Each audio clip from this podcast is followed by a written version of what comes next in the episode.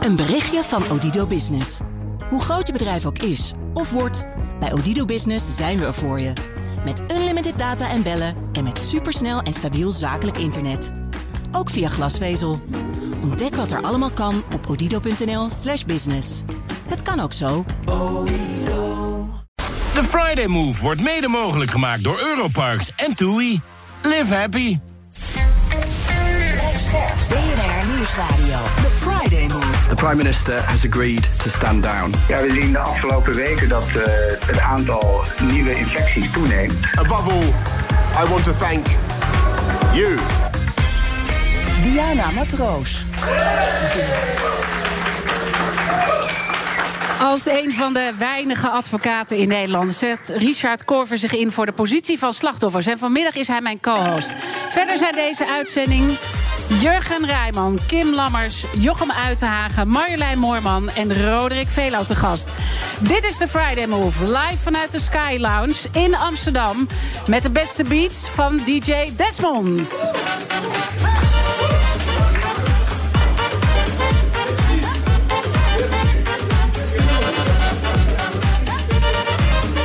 Ja, mijn co-host uh, vandaag is dus uh, Richard Korver. Richard, fijn dat je er bent. Uh, beetje zin in, die co-hostrol? ja, ik vind het prachtig. Het is lekker weer. Er zijn enthousiaste mensen in de zaal. Dus wat wil je nog meer? Je kwam echt met gierende banden kwam je hier binnen. Wat was er ja, aan de hand? nou ja, ik, ik, had een vrij drukke dag. Het begon in Breda vandaag. daarna Utrecht. en dan, ja, Hartje Amsterdam. Je weet hoe dat tegenwoordig is. Daar moet je twee keer zoveel tijd voor uittrekken dan een reis naar Utrecht. Maar volgens mij is jouw dag eigenlijk altijd zo, toch? Altijd druk, altijd ja. haast. Ja, uh, nou ja, het is gewoon lekker. Ik, Ja. ik hou er wel van. Beter dan dat ik weet dat om vijf uur de aardappels klaarstaan, zeg maar. Zo is het, zo is het. Nou, we krijgen later wel Jochem Uitenhagen. Die gaat ons een beetje met ons energielevel eh, helpen. En dat we ook ergens eh, kunnen ontspannen. Eh, vandaag ook uitspraak in een van jouw zaken, hè? Nicky de Jager. Of voor de betere luisteraar, Nicky Tutorials. Daar is uitspraak in geweest in zaak. Ja, ja. en nu, nu gaat zeg maar de diplomatieke rol ga je in. Je gaat niks zeggen. Ja, kijk, mijn cliënten wil daar helemaal niet in het publieke debat over gesproken eh, wordt. Dus dan ga ik dat eh, ook niet doen. Nee, maar het, het is wel iets wat, eh, wat over jou zegt natuurlijk. Je zet je altijd heel erg in voor slachtoffers. Heel lang geleden is dat al begonnen. Wat, waarom is dat zo belangrijk voor jou? Nou, even voor de goede orde, ik sta ook nog steeds verdachte bij. Ja. Je zei net een van de weinigen, maar er zijn inmiddels een stuk of 125 advocaten aangesloten bij Langs. Zeg maar de slachtofferadvocatuur in het strafrecht. Het worden er steeds meer, die positie wordt groter. En dat is belangrijk, eh, want als jou iets gebeurt, eh, waarom zou je het allemaal laten afhangen van de overheid? Eh, en waarom zou je niet zelf ook dingen mogen vinden en mogen zeggen: gelukkig gebeurt dat steeds meer? Ja, maar misschien moet ik dan eerder zeggen dat je een boegbeeld daarvan bent. Want je hebt ook echt wel heel veel dingen bereikt in het Ja. verleden. Het, het kwam echt van niks. Spreekrecht voor slachtoffers, al dat soort zaken. Daar heb jij echt voor gestreden. Eh, Zeker, en nog, iedere dag in de zittingszaal. Ja. het is nog steeds geen vanzelfsprekendheid eh, dat je bepaalde dingen die ik heel normaal vind krijgt. Simpel voorbeeld: iemand vermoordt een geliefde van jou, die wordt onderzocht door een psychiater. Je hebt niet standaard recht op dat stuk. Terwijl het lijkt mij toch heel nuttig dat jij kan begrijpen waarom die ander dat gedaan heeft. Ja, en, de- en dus heb je zoiets van, eh, daar moet ik me voor inzetten. En tegelijkertijd hoor ik dan een beetje bij jou zeggen... ja, het is eigenlijk wel triest dat ik daar zo voor moet knokken. Ja, eh, zeker. Want er zijn een heleboel standaardrechten. Eh, en, eh, het gebeurt nog steeds. Vorige week rechtbank Zutphen... dat de voorzitter geïrriteerd wordt als ik vraag... of ik ook een kopietje mag eh, krijgen van de stukken. Terwijl ik denk, ja, dan behandel je mij niet... eh, als een volwaardig eh, procesdeelnemer. En dan zeggen heel veel mensen in het strafrecht... zeggen, ja, maar dat ben je ook niet... want het gaat om de verdachte. Maar dat is iets uit het tijdperk van Napoleon... en dat is niet meer van de huidige tijd. Ja, maar dat is inderdaad altijd de discussie eh, die we zien. Er valt misschien ook weer wat voor te zeggen... want er komt een heleboel emotie de rechtszaal in. En daarvan zeggen andere advocaten en ook officieren van justitie... ja, daar zitten we niet op te wachten. Ja, dat is toch heel bijzonder, want al die advocaten brengen die emotie voor de verdachte er wel in. Hè? Wat een slechte jeugd heeft iemand gehad en het is niet zomaar zo gekomen. Dan verwachten we dat de rechter daar doorheen prikt en die zou dan niet door een traan van een slachtoffer prikken. Wat, wat is dat, denk je, dat we daar zo in staan? Calvinisme. eh, eh, wij, wij vinden toch, doe maar gewoon, doe je al gek genoeg. Eh, het is een taak van de overheid. Het is niet een taak. Wij willen ook voorkomen dat er een soort ja, eigen richting plaatsvindt. Terwijl ik denk, ja, als je dat slachtoffer gewoon een normale positie geeft, dat hij ook ook mag zeggen wat hij ergens van vindt. En je komt dan met een oordeel. En, en je verwijst dan in dat oordeel ook daarnaar. Dan is de acceptatiegraad groter. Zelfs als de beslissing voor jou niet is wat je had gehoopt. En daarom vind je het dus zo belangrijk dat het uh, gebeurt. En daarom vecht je daar dus al die jaren al voor. Ja, kijk, de, de, rechtsstaat is een vrij belangrijk goed. En die brokkelt af in ons land in hard tempo. Uh, en ik vind het belangrijk dat we daar wel voor gaan staan met z'n allen. Want dat zorgt ervoor dat het hier niet het recht van de sterkste is, maar het recht van de rechtvaardigheid. Uh, je kwam binnen hier en toen merkte ik dat je meteen al getriggerd was door het boek van Roderick Velo, De Schijn regeert. Hij komt straks ook bij ons aanschuiven om daarover te vertellen. jou houdt, dit houdt je bezig? Ja, het is gewoon eigenlijk mijn werk tegenwoordig. het gaat heel veel over beeldvorming als ik een, een, tweetje plaats over een politieactie, dan heb ik direct de woordvoerder van desbetreffende corpsie met DM. Weet u wel dat er ook een andere kant zit aan het verhaal? En nou, je ziet het nu met die boeren, uh, die filmpjes die er allemaal rondgaan. Het, het, is, iedereen heeft te maken met beeldvorming. En je moet je steeds afvragen: waar baseer ik mijn oordeel eigenlijk op? Uh, dan krijgen we zo meteen krijgen we ook een uh, boer hier in de uitzending. En ik zag al eventjes op jouw Twitterlijn dat je heel erg benieuwd bent naar Jouke. Ja. Jouke, uh, misschien even voor de luisteraar nog, 16 jaar, gaat nu aangifte doen tegen de agent die dinsdag hem op, op, hem geschoten heeft bij het boerenprotest in uh, Heerenveen. Nou ja, we weten natuurlijk al die protesten, heel heftig allemaal. En op jouw Twitter zeg je dan, ik ben daar heel erg mee bezig. Nou, uh, kijk, het is een fascinerende zaak. Hè? Uh, het begint met filmpjes. En zo begonnen wel meer geruchtmakende zaken. De zaak Mitch Henriques is ook begonnen met filmpjes. Ja, dus het is een zaak die je hebt gedaan, hè? Kijk, ja, het is A, al heel goed dat burgers gaan filmen als dit soort dingen gebeuren. Uh, want dat levert bewijs op. Daarna krijg je een soort supersnelle reactie van de politie met een persbericht. Er werd op ons ingereden. Nou, iedereen die dat filmpje heeft gezien kan constateren dat dat toen in ieder geval niet gebeurde. Misschien daarvoor, misschien daarna, maar niet toen. en ja, de, een 16-jarige jongen schieten. Uh, we zien daar een, een, agent die op zijn minst overspannen oogt. Hè, dat oog niet beheerst. Nou, hij, hij, wordt nu ook aangegeven dat hij echt er helemaal doorheen zit. Ja, maar dat wordt dan weer geframed alsof hij er doorheen zit... door alle bedreigingen die hem ten deel zijn gevallen. En uh, op het Algemeen Dagblad wordt net gepubliceerd... dat hij onder uh, politiebewaking zijn dorp uit is geëscorteerd. Er zou brand gesticht zijn in zijn tuin... maar de woordvoerder van de politiebond erkent... ja, dat was in scène gezet. Dat je denkt, ja, ja, ja, ja, ja. what's real? En, en dat is dus uh, wat jij denkt, daar moeten we steeds meer bij stilstaan. What's real? Ja, what's real? Wat is fake news? Wat is echt? Ja, en dat is natuurlijk iets waar we allemaal uh, mee uh, worstelen. Ehm, nou zeg jij eventjes van die bedreigingen. Dat is natuurlijk ook wel echt aan de orde van de dag. wethouders, daar tweet je over. 67% bedreigd. We krijgen ook straks Marjolein Moorman hier. Ja. Peter R. Vries natuurlijk, uh, ja. die uh, nou ja, bijna een jaar geleden zijn leven heeft moeten laten. Ja, nou ja, kijk, ik ben de advocaat van meerdere mensen die heel heftig worden bedreigd. Soms zijn dat politici, soms zijn dat opiniemakers. Uh, en, en dat is ernstig, want mensen worden daardoor gehinderd in hun werk. Gewoon in hun normale doen en laten. En uh, dat is niet wat we moeten willen met z'n allen. Nee, heb je het zelf ook wel eens dat je denkt van... ik vind het allemaal iets minder ja, comfortabel oh, worden. moet je horen, ik ben 22 jaar geleden advocaat geworden. Uh, toen ik met mijn vingertjes in de lucht ging... had ik niet kunnen bevroeden uh, dat wat we nu meemaken. dat het normaal is dat er militairen voor de rechtbank staan... met enorme machinegeweren, drones in de lucht. ga zo maar door. Het is eigenlijk, als je daarover nadenkt, echt een nachtmerrie.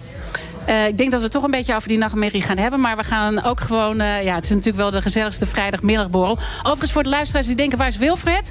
Wilfred die, uh, ligt ergens, denk ik, onder een parasol lekker te genieten. wij zijn zometeen weer terug. Jurgen Rijman dan zometeen mijn, mijn gast. Maar eerst naar de ANWB. Het is Een berichtje van Odido Business. Hoe groot je bedrijf ook is of wordt... bij Odido Business zijn we er voor je... Met unlimited data en bellen en met supersnel en stabiel zakelijk internet. Ook via glasvezel. Ontdek wat er allemaal kan op odido.nl/slash business. Het kan ook zo. Krijgen we in Nederland nou echt de beste zorg? Kunnen we met wearables, AI en zorgrobots allemaal gezonder oud worden? Dat onderzoek ik in BNR Beter. Nina van den Dungen. Medische drones, geprinte medicijnen, de nieuwste technologie in ziekenhuizen. Het komt allemaal langs in BNR Beter. Elke maandag om half vier en altijd als podcast. BNR Beter wordt mede mogelijk gemaakt door Philips. Op naar betere gezondheidszorg. Aan tafel, consultant en natuurlijk oud-collega Jurgen Rijman. Ja, Jurgen, ik moet toch een beetje wennen. Consultant? Ja, het is een heel groot woord voor iemand die bedrijven helpt met allerlei dingen. Maar ik, ik zie mezelf niet als de geëikte consultant, laat we het zo zeggen. Nee, maar ik denk dat het toch wel een, echt een andere kant ook van jou is. Hè? Ik bedoel, ook al toen je bij BNR was. Hè? Je was mijn, mijn collega natuurlijk. Dus super dat je weer terug bent. Ik heb je echt gemist, man. Dankjewel, ik jou ook. Ja, ik, ja het, is, het is toch altijd leuk als je weer even radio mag maken. Dus uh, nee, ik heb, het, ik heb het heel erg naar mijn zin. Ik ben een hele andere kant op gegaan.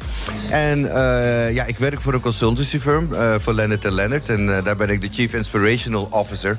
En daar help ik, ja, wij helpen bedrijven op allerlei vlakken. En nu zijn we vooral bezig met het ontwikkelen van matching. een matchingstraject. We helpen bedrijven met bijzondere vormen van matching. waarbij we echt een persoonlijke touch eraan Ja. geven. Maar het heeft ook wel te maken met diversiteit, toch? Ook met diversiteit. We hebben ook een track diversiteit en inclusie waarmee we bezig zijn. Uh, ja, we hebben eigenlijk uh, one tech met many, met many solutions, noemen we dat.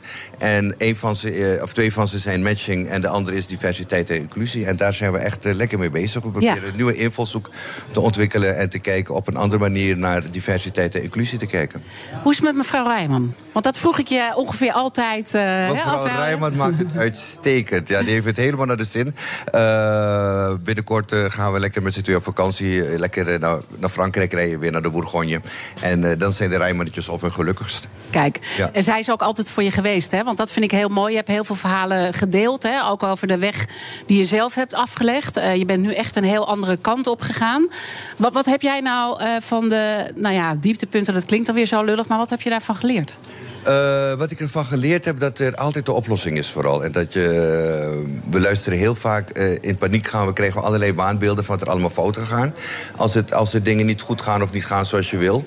Maar wat ik vooral heb geleerd is altijd rustig blijven. Er komt altijd een oplossing. En zeker als je rustig blijft. en concentreer je op die twee dingen die wel goed gaan. En dan komt de rest ook wel goed. Ja, maar dat, dat vond je niet heel makkelijk, toch, in het begin? In het begin was het helemaal niet makkelijk. Nee, ik was in het begin was ik heel recalcitrant toen alles fout ging. eh, Dat, dat ik ook iedereen de schuld gaf. Maar als je dan op een gegeven moment leert dat, het, dat je je eigen verantwoordelijkheid moet nemen. Dat je bepaalde dingen uh, anders moet aanpakken. En zo zitten we ook bijvoorbeeld in de hele diversiteitsdiscussie nu. Met Lennart en Lennart. Uh, het, we, zijn altijd eruit vanuit te gaan dat er één boosdoener is. En dat we die boosdoener moeten bewegen in andere, naar een andere gedachtegang. En anders te kijken naar een organisatie. Maar wij geloven dat het een gemeenschappelijke verantwoordelijkheid is. Waarbij we willen kijken hoe kunnen we met z'n allen dat probleem oplossen. En het niet steeds maar op, de bord van één, of op het bord van één persoon. Maar is je, is je functietitel niet verkeerd? Moet het niet eh, Chief Spiritual Officer zijn? Uh, waarom?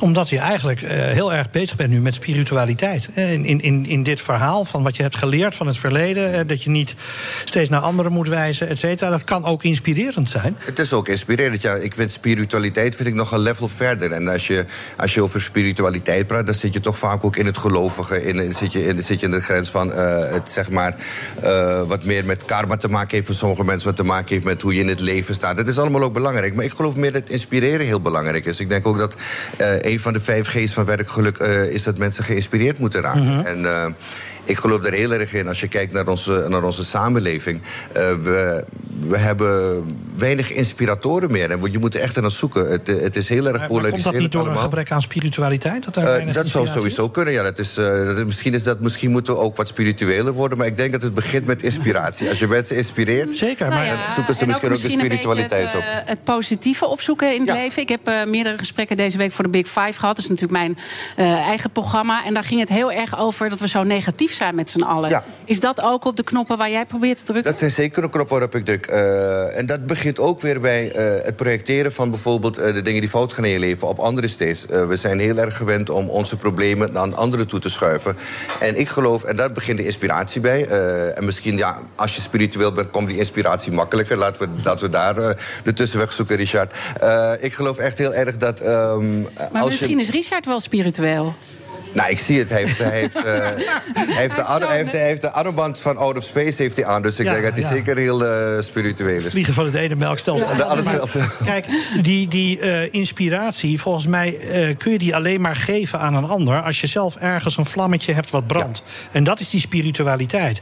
En als jij anderen aanmoedigt om dat vlammetje op te zoeken... want dat is eigenlijk wat je net beschrijft... dan ben je toch stiekem eh, spiritual eh, officer. Oké, ik, ik, laat me zeggen, eh, spiritual officer, als, je, als ik Ja, bij jou kan werken, geef me alsjeblieft die titel. Ik vind het helemaal niet erg. Ik doe het heel graag ook. Eh, maar ik, ben, ik, ik, ik begin bij, ik, bij mij begint het bij inspiratie. Omdat spiritualiteit voor heel wat mensen ook nog een beetje zweverig is. En sommige mensen hebben ook met spiritualiteit denken ze, ja, Ja, het moet er een beetje, je moet er een beetje aan toe je- zijn, hè? Inspiratie is veel concreter. En ik heb liever dat ik iets concreets aan mensen meegeef. Je ziet het ook in, binnen organisaties, inspirerend leiderschap. Het is wel echt een consultant. Hij weet hoe hij het moet verkopen. Ja, ja, ja. dat is, eh, ik, nou ja, ik probeer het niet te verkopen, Nee. ik probeer het te duiden. Nou, misschien is, het wel, eh, misschien is het wel goed om eventjes... eh, we hadden het net over Roderick Velo. En die is heel erg... nou, die komt met zijn boek straks, hè, De Schijn regeert. En daar staat ook... hij heeft allemaal columns voor de Telegraaf geschreven. En hij heeft echt een bloedje dood aan diversiteitsconsultants eigenlijk. Eh, en ik, eh, nou ja, ik weet niet of je er straks nog eh, bij bent, maar het zal vast eh, ter sprake komen. Hoe, kijk jij daarnaar? Want ik, ik zit ook vaak in de wereld van diversiteit, maar het is natuurlijk ook een businessmodel geworden. Hoe kijk je daar tegenaan? Nou, ik, ik, net, dat ik net al zei, ik geloof heel erg in die gemeenschappelijke verantwoordelijkheid. We leven heel erg in de tijd, en dat zie je vaak bij diversiteitsconsultants, dat het gaat om van nee. de, de, de, zeg maar, als we het even zo moeten benoemen, het is vooral de, de, de, de witte man die ervoor moet zorgen dat hij anderen, dat hij anderen inclusief maakt in het bedrijf, die meeneemt in het bedrijf. Eh, maar ik geloof dat het een gemeenschappelijke verantwoordelijkheid is. Want als ik alleen maar die witte man eh, de schuld geef en ik wil met hem in, eh, in, in therapie gaan hierover, in relatietherapie gaan, en hij weet dan van tevoren al dat hij van alles de schuld krijgt, dan gaat hij niet meer met mijn therapie. Het heeft ook te maken met het moment dat je gaat slachtofferen in een, zeg maar in een discussie, dan sta je ook 2-0 achter. Hiërarchie wordt altijd bepaald door degene die zich het minste voelt. En ik geloof heel erg dat je binnen diversiteitsdiscussies moet je gaan kijken van wat kan ik doen om erbij te horen en hoe kan ik ervoor zorgen dat, eh, dat ik ook bij, die, bij, die, eh, bij, de, bij de organisatie hoor. En dan enkel alleen maar van de organisatie te verwachten dat zij zich moeten aanpassen aan mijn wensen en Ja, verlangen. Het maar, maar, maar die gemeenschappelijk spel. echte tegendenkers. Hè? Zo, Roderick is echt een tegendenker. Die vindt allemaal onzin Mhm. eh, dat we hiermee bezig zijn. Nou, ik vind dat even voor alle duidelijkheid niet. Maar hoe overtuig jij die mensen die heel sceptisch zijn? Ik weet niet als, als ze overtuigd willen worden. Eh, ik geloof gewoon dat eh, diversiteit, er zijn gewoon wetenschappelijk onderzoek voor. En we zijn nu ook nog met andere onderzoeken bezig om te kijken of onze aanpak daarin eh, zeg maar een toegevoegde waarde heeft. Maar er zijn onderzoeken geweest, en die kan je terugvinden, wetenschappelijk onderzoek, waarbij het bijvoorbeeld blijkt dat bij eh 1% meer vrouwen in het bedrijf, dat je omzet al met 3% omhoog gaat. Dat als je een, een grotere etnische verscheidenheid hebt, dat je al over 15% praat. Er is een onderzoek geweest van een van de grootste recruiters wereldwijd. Die zegt dat de meeste mensen die nu werk zoeken in een, in een, maats, in, in een maatschappij waarbij we ja, zeg maar, al te maken hebben met een, een tekort aan, aan goede werknemers. Dat de nieuwe werknemers die zoeken naar organisaties waar diversiteit eh, het, eh, aanwezig is. We moeten nog even één belangrijk ding doen. Want Ja. eh, Jurgen, je hoort het muziekje al. Je zat al met me naar de tijd te kijken. Ja, ja, Wat dat betreft heb je niet afgeleerd hier bij BNR. Je gaat morgen weer de plank op. Ja, ik ga, ik ga naar, bij Boom Chicago hebben ze, gaan we improv doen. En dan ga ik dus wat ik nu doe, ga ik vertellen aan de mensen. Dus wat ik doe over mijn 5G, mijn, mijn PhD, echt wat het, het inspirerende leiderschap, ga ik het erover hebben. En de dingen die ik meemaak op de werkvloer met verschillende bedrijven. En zij gaan daar allemaal comedy omheen maken en liedjes omheen maken, al, al improvies. Dus het wordt een fantastische avond met eh, leuke improv comedy. En eh, ja, het is in de Comedy Week van Boom Chicago. Dus kom gewoon kijken aan de Roostergracht. En dit was eigenlijk dus een eh, opstapje naar morgen. Het is een opstapje naar morgen. Mooie- zien, mooie ja, je kan het oude en het nieuwe ook combineren Ja. soms. Kaartjes? Kaartjes? Kaartjes halen ze bij Boom Chicago. Ga even naar de, naar de site boomchicago.nl en dan kan je daar eh, staat er een link om de kaartjes te halen. Ja, mis je het een beetje? Op deze manier niet, want ik kan af en toe nog op het podium staan. En als ik ook mijn presentaties doe of mijn trainingen, dan eh, ja, ben je ook aan het optreden, zeg ik. eh, alleen met wat meer inhoud. Heerlijk. Ik vond het heerlijk om je weer eh, Ik vond het leuk terug om weer even te zien. zijn. Eh, Bedankt. het was kort, maar eh, Ja. hopelijk eh, snel weer een keertje. En Richard, ik wens je heel veel spiritualiteit Ja. toe. Ja, Ja, we weten trouwens nog steeds niet of je nou spiritueel bent. Want dat heb je lekker een beetje ontweken. Dat moet je nooit over jezelf zeggen. Ah, net zoals dat je nooit een boeddha mag geven aan, een, aan jezelf. Hè? Mag je wel een ander geven? Ja, juist. Maar ik zie het aan alles zijn dat jij een hele spirituele man bent. Hij heeft een beetje zo'n, Ja, eh, absoluut. Ja. Hij heeft dat aura We, zich mo- heen. we moeten niet in zijn aura komen. Nee. Eh, zometeen eh, dan zijn we terug. En eh, dan eh, Kim Lammers over natuurlijke dameshockey. Want eh, wat gaat dat fantastisch met die dames. Een berichtje van Odido Business. Hoe groot je bedrijf ook is of wordt, bij Odido Business zijn we er voor je. Met unlimited data en bellen en met supersnel en stabiel zakelijk internet. Ook via glasvezel. Ontdek wat er allemaal kan op odido.nl/slash business. Het kan ook zo. Krijgen we in Nederland nou echt de beste zorg? Kunnen we met wearables, AI en zorgrobots allemaal gezonder oud worden? Dat onderzoek ik in BNR Beter. Nina van den Dungen. Medische drones, geprinte medicijnen, de nieuwste technologie in ziekenhuizen. Dat komt allemaal langs in BNR Beter. Elke maandag om half vier en altijd als podcast. BNR Beter wordt mede mogelijk gemaakt door Philips. Op naar betere gezondheidszorg. De Friday Move wordt mede mogelijk gemaakt door TUI en Europarks. Europarks, je perfecte vakantie of je eigen tweede huis. BNR Nieuwsradio. The Friday Move. And I want you to know how sad I am. We krijgen volgens mij geen stuiver terug met dit onderzoek, maar we weten in ieder geval dat we 5 miljoen euro meer uitgeven.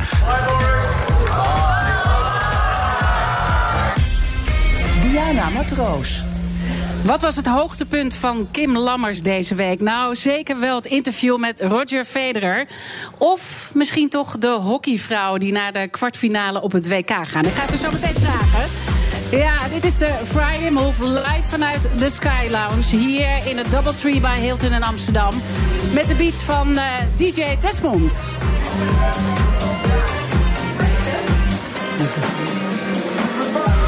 Aan tafel voormalig hockey international en presentatrice van BNR Sport Kim Lammers. Eh, Kim, super dat je er bent. En co-host vandaag is natuurlijk eh, topadvocaat eh, Richard Korver. Dus Richard, jij doet lekker mee met mij. Ja, Federer.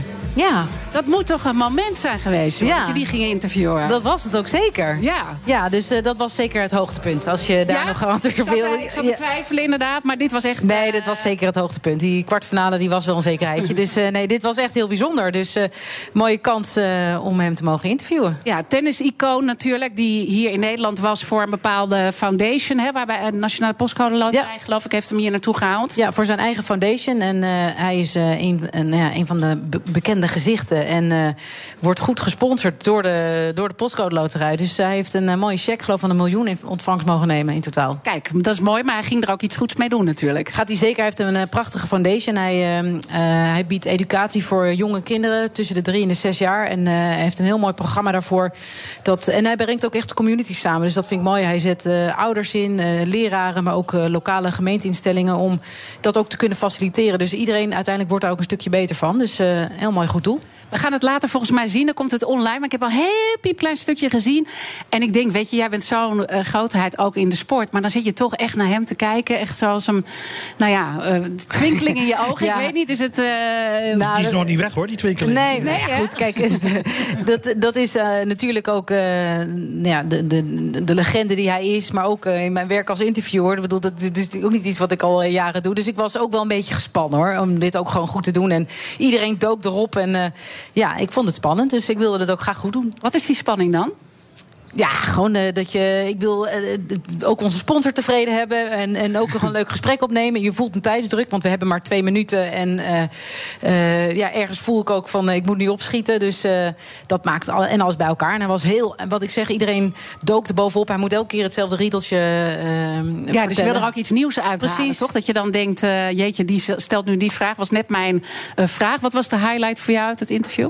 Eh, de highlight, nou, wat ik zeg, ik ben echt op de inhoud van, het, van zijn foundation gebleven. En dan merkte hij ook, oh, ik hoefde verder ook niks te doen. Hij bleef lekker praten. Dus, en ik voelde ergens in mijn rug wel, eh, hoe lang duurt het nog afronden, afronden. Maar ik dacht, zolang hij praat, eh, ligt het in ieder geval niet aan mij. Hij was wel aardig. Heel aardig, echt heel aardig, ja. Want dit sourt mensen kunnen natuurlijk ook super Nee, hij nam zijn. echt eh, de tijd. Dus, eh, en wat ik zeg, ik denk dat hij het ook leuk vond om eh, meer over zijn foundation te kunnen vertellen. Moest je die vragen van tevoren aanleveren? Eh, nee, volgens mij niet. Moet ik even naar de redacteur kijken. Maar volgens mij nee. Ik, ik zie nee, dat was, eh, hoefde niet. Nou, als jij het niet weet, had je er ook vanaf kunnen wijken. Dat is waar, dat is waar, ja. zo werkt het dan ook wel, eh, wel weer. Hey, de, de, de hockey dames, eh, dat komt op de tweede plaats. Zeker, ja. Ja, want- nou ja, dat, deze fase dan. Hè. Dus, Deze eh, het is nu nog niet zo spannend. Ehm, eh, ja, Nederland is toch wel eh, het land wat, wat de grote favoriet is tijdens dit WK in deels eigen land. En de finale en halve finale worden afgewerkt in, in Spanje. Dus nee, zij, zij horen hier gewoon te staan. En dan uiteindelijk, want dit is de kwartfinale... en dan gaan ze geloof ik... aankomende dinsdag moeten ze of uitkomen tegen Chili of België. Ja, het is, het is een beetje een gekke opzet. Uh, de pools zijn nu bekend. De nummers 2 en 3 van de pools die gespeeld zijn... die spelen een soort kruisfinale. En de winnaar daarvan speelt de kwartfinale. En België moet tegen Chili. En uh, de winnaar daarvan speelt tegen Nederland. En is het dan weer appeltje-eitje? Is er gewoon die afstand eigenlijk... Uh, de talenten hier in Nederland en ja, wereldwijd gewoon veel te groot? Nou, Nederland is gewoon uh, het beste team. En Nederland, uh, zoals jullie wellicht hebben meegekregen, hebben wel een lastig jaar gehad met een onderzoek wat is geweest uh, als het gaat over ongewenst, uh, ongewenst ja, en onveilige. Ik heb, het hier, ik heb het hier voor me, echt een angstcultuur. Hè? Ja. ja. dus je ziet wel, de, de, het is allemaal niet, ze, ze, zijn nog niet helemaal vrij. Het, het is ook nog niet heel erg goed het spel wat ze spelen, maar de Nederlandse hockeysters zijn zoveel beter dan de rest. Dus je hebt over gewoon de basistechnieken. Maar uh, Chili bijvoorbeeld, een land wat voor het eerst deelneemt op een WK, heeft gewoon een, de bus geparkeerd, om even zo te zeggen. Die zijn met z'n allen gewoon voor de goal gaan hangen. En die hebben dat heel goed uitgevoerd. En dan, ja, Nederland zit niet in een flow, dus dat was wel een lastige wedstrijd. Dus ik, ik, ik durf niet nu zomaar te zeggen, ze worden wel even wereldkampioen. Ik denk dat ze nog lastig gaan krijgen. En is het dan ook lastig uh, dat ze eigenlijk hun voormalig bondscoach uh, voor zich krijgen? Want uh, dat is dus die Alison Annan. Ja.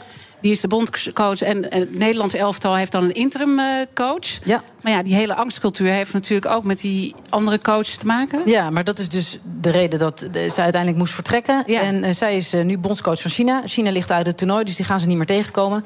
Dus dat, die spanning is eraf. Ze hebben overigens al tegen China gespeeld in de, in de, in de Pro League. Oh, toernooi okay. wat hier... Ik dacht dat ze naar Chili was gegaan, maar dat, nee, is, dat nee, klopt China. Dus nee, ja. China, ja, nou, dus, ligt tegen... Precies, dus die gaan ze niet tegenkomen. Ze gaan wel een andere oude bekende tegenkomen, denk ik. Want ik denk dat België dit duel gaat winnen. En daar is de bondscoach Raoul Eren. En dat is een Nederlander en die is wel bekend. Dus, dus die zal wel met een goed strijdplan gaan komen tegen Nederland. En België bij de dames is wel een land in opkomst. Hey, en uh, als het dan gaat om uh, de verandering eigenlijk uh, binnen het hockey. Zij willen, we hadden het net natuurlijk ook met Jurgen over diversiteit. Daar zie je dus ook die slag die gemaakt wordt. Dat zij niet meer eigenlijk de elitesport willen zijn. Dat ze ook echt proberen dat naar, nou, meer naar de massa te krijgen. Ja, zeker. Ik denk dat het al toegankelijker is geworden. Maar je ziet hockeyclubs. Hebt in Rotterdam hockeyclub Feyenoord. Wat echt is opgericht in een, een, toch wel een achterstandswijk waar, waar ze kinderen willen laten hockeyen. In Amsterdam Zuidoost weet ik dat voormalig Hockey International Mark Scheepstra daarmee bezig is om ja, gewoon de sport toegankelijker te maken. Almere denk ik dat een mooie club is waar, waar je niet alleen maar de, de, de rijke luiskindjes, om maar even zo te noemen. Dat, daar zie je ook kinderen met een andere achtergrond die nu ook op hockey gaan. Wat alleen maar hartstikke goed is, denk ik. Dat lijkt me passend bij uh, die hele instelling van Federer, toch? Ja. Dat we het met z'n allen moeten doen, uh, jong, oud, uh, arm en rijk. Ja, ik denk alleen maar een ja. meerwaarde voor de sport. Ja, en, en uh, wat, wat gebeurde er met die kinderen? Want uh, Federer was er en nou ja, die ging ook met die kinderen daar sporten. Het was in de Bijlmer, geloof ik. Ja, nee, het was fantastisch. Het was uh, eigenlijk een mix van kinderen die sporten op de, de playgrounds van Krajcek. Dus dat was de plek waar dit was.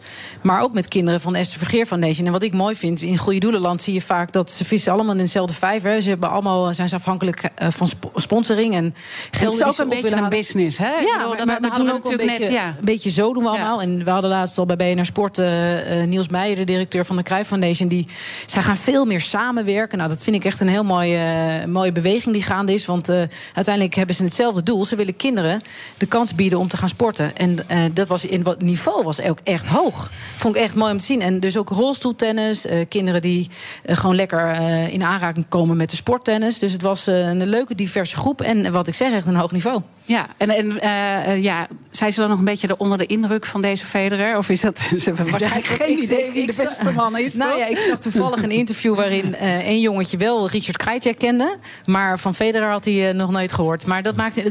Het was een leuke sfeer. En ook de vrijwilligers van de Krajcek Foundation was een vrouw van in de 70 die daar meedeed. Dus ik denk gewoon het verbinden van zo'n pleintje in, in zo'n omgeving is fantastisch. Ja. Ben jij zelf een beetje van de sport eigenlijk, Richard? Nou, ik ben ambassadeur van Lots Foundation. Uh, die gaat over kinderrechten. En die hebben toevallig die Kruif Foundation hun eerste Lots Foundation prijs gegeven. Juist omdat ze die samenwerking zoeken. En niet dat verkokerde, maar het met anderen willen doen. En niet uh, uh, in je ja. uppie ervoor gaan strijden. Dus in dat opzicht wel. Ik sport zelf veel, maar daarna kijken is niet aan mij besteed. Nee? Nee, nee. ik vind dat Wat echt jij sport? Of, waste of time. Jiu-jitsu, rennen. zorgen dat de conditie gewoon op peil blijft. Nee, jiu-jitsu. Dat, dat spirituele komt toch steeds meer duidelijk naar voren in deze uitzending. Past toch wel een beetje bij jiu-jitsu, toch? Eh, nou ja. Of heb ik een achterhaald idee? Nee, dat is geen achterhaald idee. Eh, dit is een budo-sport. Hè, en, en de budo is eigenlijk weg van het probleem. Eh, niet het probleem opzoeken, maar weg. Eh, dus als het kan, weglopen. Als dat niet kan, met de kracht van de tegenstander... zorgen dat het probleem eindigt. Kijk, zo is het. hey, wanneer gaan we je interview eh, zien met eh, Federer? Ehm, dat is vanmiddag, as we speak. Bijna is het die online te luisteren. En morgen tussen 11 en 12 bij BNR, BNR Sport. Dus zeker maar online neem ik aan ook bnr.nl? Ja, of, eh, ja, en Spotify en alle, alle podcastkanalen kan je hem eh, luisteren. Goed, zeker kijken. Dankjewel, eh Kim. Eh, zometeen dan eh, schuift Bernard Hammelburg eh, aan. Een berichtje van Odido Business. Hoe groot je bedrijf ook is of wordt, bij Odido Business zijn we er voor je. Met unlimited data en bellen en met supersnel en stabiel zakelijk internet. Ook via glasvezel. Ontdek wat er allemaal kan op odido.nl/slash business. Het kan ook zo. Krijgen we in Nederland nou echt de beste zorg? Kunnen we met wearables, AI en zorgrobots allemaal gezonder oud worden? Dat onderzoek ik in BNR Beter. Nina van den Dungen. Medische drones, geprinte medicijnen, de nieuwste technologie in ziekenhuizen. Het komt allemaal langs in BNR Beter. Elke maandag om half vier en altijd als podcast. BNR Beter wordt mede mogelijk gemaakt door Philips. Op naar betere gezondheidszorg. Ja, dit is de Friday Move van eh, vrijdag 8 juli. Eh, voor de vaste luisteraars. Ja, Wilfred Gené die ligt even lekker op een strandbeetje. Geniet lekker, eh, Wilfred.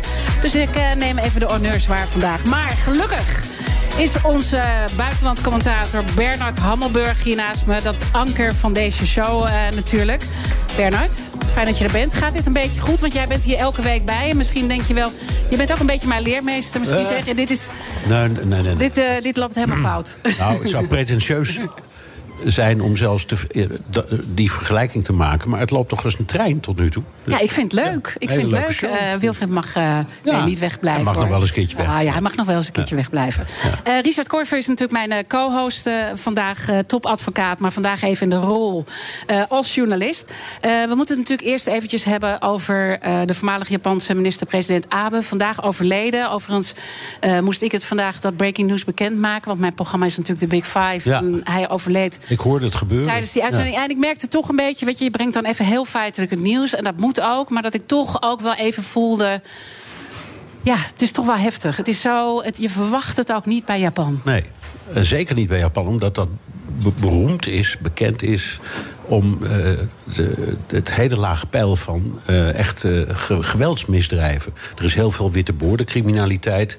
En je hebt natuurlijk die, die, eh, die bendes, die zijn ook. Maar in het algemeen is. ehm, de, de, is de samenleving tamelijk geweldloos. En het is een, zeg, het is een van de, van de weinige landen waar je je, 12-jarige dochter s'avonds rustig alleen naar balletles kan laten lopen. Er, ge- gebeurt bijna nooit iets. Dus dit, dat maakt het extra navrant. Ehm, en dan ook, ja, zo'n man, een, een, een gefrustreerde oud-militair die boos was op Abe. Waarom weten we niet, maar dat heeft hij wel al bekend. En dan met een zelfgemaakt pistool.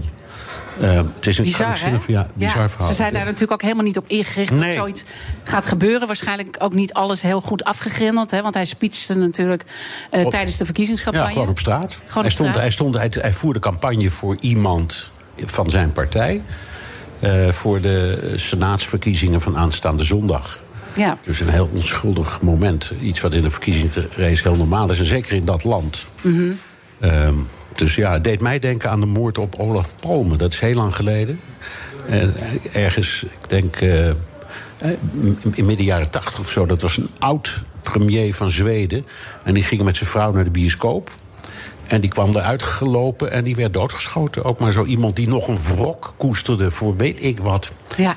Niet nooit helemaal duidelijk geworden. En dit, dit ja, is ook echt onduidelijk. Er wordt gezegd dat het niet eh, politiek gemotiveerd Nee, is in maar ieder ja. geval. Maar ja, dat weet je ook niet. Dat, we- dat weten we gewoon nog niet. Nee, nee, nee. Wil jij hem verdedigen?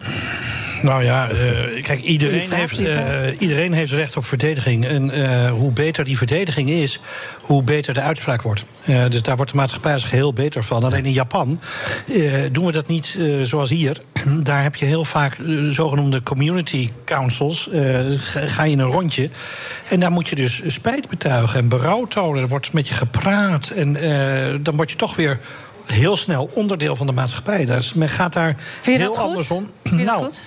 Het is wat Bernard zegt. Het is een stuk vredelievender maatschappij dan hier. De downside is dat eh, er zijn misschien niet zoveel moorden, maar wel heel veel zelfmoorden. De harakiris, eh, dus de zelfkastijding in dat land is giga. Ja, ja dat klopt. Het heeft, Ja. ook, heeft ook te maken met een vreselijk strenge opvoeding. Heel veel kinderen die zelfmoord plegen omdat ze ehm, door hun ouders te veel achter de vodden worden gezeten. Ja, om de dat aller- zie je ook bij de Hindoestaanse gemeenschap. ja, precies. dat die ook hebben dat ook. Ja. Het moet altijd de allerbeste zijn. Ja. Maar goed. Zo heb je altijd een keerzijde natuurlijk Ja, eh, bij dus je elke weet niet, cultuur. nee, maar goed, het zijn toch belangrijke elementen. Want je weet niet wat er in de, in, in de kop van deze moordenaar zat. Nee, Allemaal. nee. Nou, gaan we later eh, wel horen wat we wel natuurlijk eh, weten. Boris Johnson, natuurlijk wel al het nieuws van gisteren... maar dat dendert natuurlijk flink door vandaag. Eén ding is zeker, hij is de politieke showman. Zo gaat hij een beetje de geschiedenis in. Maar de vraag is ook, hoe lang blijft hij nog? Want we zijn niet van hem af. Niet dat ik Nee. van hem af wil, maar... Nou, ieder- iedereen zegt, en hij ook, tot september.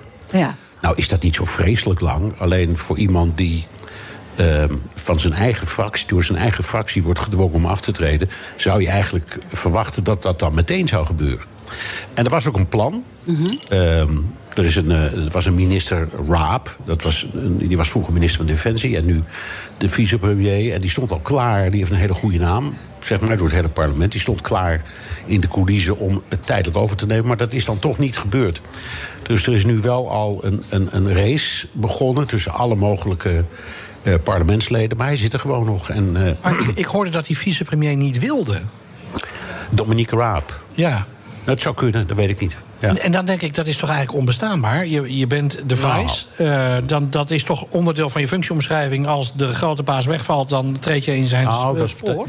dat, weet ik niet, want hij was vicepremier en geen premier. Dus hij had wat dat betreft geen verplichting, denk ik, om in zijn voetstap te treden. Maar ik weet het niet. Als hier meneer Rutte iets overkomt, dan gaat de eerste vicepremier... Jawel, eh, maar als, als meneer Rutte af moet treden... omdat in dit geval de VVD-fractie hem daartoe zou dwingen... dan denk ik niet dat er een redden aan is. Nee, dan je krijg je niet- een kabinetscrisis. Ja, dan krijg je nieuwe Ja. verkiezingen. En dat was het alternatief wat ook in Engeland speelt. En er waren heel veel mensen die dachten dat Boris daarop in zou zetten Ja. omdat uit de peilingen blijkt dat hij nog steeds behoorlijk populair is onder het volk. Ehm, en dat eh, Labour niet, niet, niet zo populair of niet populair genoeg is om hem te verslaan. Ja. Eh, en in het, in, in het Britse systeem mag dat. Hè. Dat heet snap elections. Dus je kunt plotseling van de een op de andere seconde zelf verkiezingen uitschrijven als premier. In de hoop dat je wint. Of in de, de- je kunt ook pech hebben. Eh, Theresa May heeft het gedaan toen ze dacht dat ze er geweldig voor stond. En toen verloor ze. En toen moest ze een coalitie vormen met de Noord-Ierse. Ja, dus het, kan, eh, het loopt daar natuurlijk heel eh, mis- anders. Maar, maar denk jij dat hij nog een soort slimmigheidje gaat bedenken... waardoor die- hij nog langer kan blijven dan september? Kan het Nou. zomaar zo gek lopen? Of is het echt wel exit uiterlijk september? Ja, ik denk dat dat wel zo is, omdat de, de woede binnen die fractie is behoorlijk hoor. En het gaat dus om verschillende dingen. Iedereen zegt het is nog steeds het gevolg van dat Partygate. Dat hij dus feesten heeft gevierd in de ambtswoning in Downing Street 10, midden tijdens de lockdown. Eh, waarvan hij zelf zegt dat hij dacht dat het eh, eh, besprekingen waren, Ja, vergaderingen. ja, ja, maar goed. Nou, zo, ja. Over beeldvorming gesproken. Over beeldvorming gesproken. En ook, ook om te laten zien dat ehm, de, de, de scheidslijn tussen leugenaar en komiek is heel klein. En dat was zijn kracht ook. Want het had ook iets grappigs, die verdediging. Kom op zeg. Je gaat mij niet wijsmaken dat jij zat te vergaderen... met een, met een groot krat bier voor je neus Nou midden in we, een we, we lockdown. hebben dit soort uitleg ook wel eens in Nederland wat- gehad, hè, natuurlijk. Zeker wel, zeker. Het Koningshuis. Maar wat ernstiger was, er, er is een, eh, een, een, Kamerlid. eh, van, lid van, het, van het, Huis van Afgevaardigden, of van het Lagerhuis. En die had de positie van. eh, vice-chief whip. En een whip is iemand die binnen de fractie als taak heeft om alle leden van die fractie in dezelfde richting te houden. Hè? Dus je mag volgens het Britse systeem afwijken. Er is geen, geen eh, eh, fractiediscipline die wij kennen. En je hebt dus een speciale functionaris om die bij elkaar te houden. Die meneer die was beschuldigd van het, ik zal maar zeggen, aanranden van eh, een paar mannen. En eh, dat had er al een tijd geleden voorgedaan. En toen Boris Johnson dat hoorde, zei hij: Ik ben helemaal voor niks. En het bleek achteraf dat hij daar tot in de details van op de hoogte was gesteld. Ja, want dat is eigenlijk waar Dat- hij op gestruikeld is. dat is waar hij op is gestruikeld. Dat Ja. hebben de mensen, en dat begrijp ik. Want dat hij hebben is enorm populair natuurlijk. Dat zei je net ook. Ja, maar dat, he- dat, heeft, dat heeft, ik denk ook de kiezer hem wel kwalijk genomen. Ja. Dat je over zoiets liegt, dat is toch weer net iets anders dan een feestje bouwen terwijl het eigenlijk even niet mag. En dit zegt toch ook iets over de tijd waarin we leven. Hè? We denken gewoon, eh, nou ja, dat is leuk ook. We gaan het zo meteen uitgebreid over die beeldvorming hebben. Maar we denken heel anders over dit soort dingen inmiddels. Vroeger vonden we echt die, die, die ja, beetje charmante, charismatische, sterke leiders heel erg fijn. Maar ze Ja. komen niet meer met alles weg. Dat zie je aan alles eigenlijk. Nee, en eh, je, moet, je kunt van Boris Johnson zeggen wat hij wil... maar hij heeft inderdaad een onvoorstelbaar gevoel voor humor. Eh, alleen, het is niet allemaal even smaakvol. Het is soms ronduit grof, racistisch...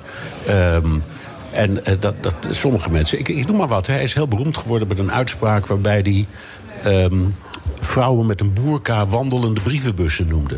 Nou, dat hele land lag dubbel van het lachen. Maar het is natuurlijk vreselijk als er iemand in, in, in het politieke echelon met dat soort termen komt.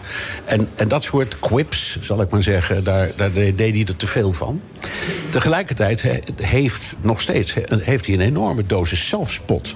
En dat, maar da- daarom kwam hij zo lang met alles weg. Ja, en dat is ook een beetje die, die, die persconferentie die hij gaf. Dat was Ja. natuurlijk ook een beetje van... Zelfs niet eens daar- zeggen dat je weggaat. Nee, precies. En zelfs daar zat een zekere, een zekere milde vorm van humor nog steeds in.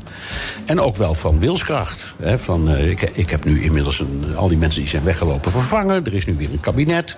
We gaan voorlopig door totdat er een vervanger is gekozen. Kortom, het was eigenlijk niet eens een pessimistisch verhaal. Nee. En het gaat ook fantastisch met het Verenigd Koninkrijk. En ik was toch maar degene in de westerse wereld die het allerbeste heeft toegeslagen met COVID. En, en, Even En ik, en ja. ik ben toch degene die Brexit voor elkaar had gekregen. Want daarom hebben jullie me ook gekozen. Dus eh, hij stond. Ik, ik, wij, wij, wij zaten dus live in de uitzending. want Het was om half twee hè, toen hij met dat ding kwam. Mijn eerste reactie was toen. eh, ik was bij Thomas van Zijn in zaken doen. Die vroeg wat vind je ervan? Ik zei, ik, ik, ik vind dat hij een verkiezingstoespraak aan het houden is. In plaats van. Het gaat gewoon door. Ja, gaat gewoon door. Nou ja, een beetje zoals Trump, hè? Een beetje zoals Trump. Die gaat ja. ook lekker gewoon En door. er, worden ook veel, er, worden ook, er zijn heel veel grappen op het internet... omdat Boris Johnson is geboren in de Verenigde Staten. Ah, kijk. En ehm, daar heeft hij geloof ik de eerste vijf jaar van zijn leven of zo gewoond. Dus hij is Amerikaan van geboorte en had ook tot niet zo lang geleden... de, de Amerikaanse nationaliteit. Iemand die in Amerika geboren is, kan president van de Verenigde Staten worden. Dus iemand riep, hoep, we hebben de oplossing. Ja? Als, als, hij gaat daar, gewoon- dan zijn wij van hem af. En dan kan hij daar kan hij het, het, het Trump vervangen, want daar willen we ook vanaf. En dan krijgen we misschien toch nog wel een leuke tijd. Ja, blijkt het straks de broer ja, van Trump te zijn. Nee, maar, Of nee, een ja, precies. Alleen de wet zegt dat je ook 15 jaar in Amerika moet hebben gewoond. Ah, Dus het feest gaat niet door. Dat gaat niet door. Maar het was wel een leuke. dank je Bernard. En eh, jij bent er natuurlijk volgende week eh, sowieso ook eh, weer. Maar we gaan hier nog even door. Zometeen het tweede deel van de Friday Move. Een berichtje van Odido Business. Hoe groot je bedrijf ook is of wordt, bij Odido Business zijn we er voor je. Met unlimited data en bellen en met supersnel en stabiel zakelijk internet. Ook via glasvezel. Ontdek wat er allemaal kan op odido.nl/slash business. Het kan ook zo. Krijgen we in Nederland nou echt de beste zorg? Kunnen we met wearables, AI en zorgrobots allemaal gezonder oud worden? Dat onderzoek ik in BNR Beter. Nina van den Dungen. Medische drones, geprinte medicijnen, de nieuwste technologie in ziekenhuizen. Dat komt allemaal langs in BNR Beter. Elke maandag om half vier en altijd als podcast. BNR Beter wordt mede mogelijk gemaakt door Philips. Op naar betere gezondheidszorg. De Friday Move wordt mede mogelijk gemaakt door TUI en Europarks. Europarks, je perfecte vakantie of je eigen tweede huis.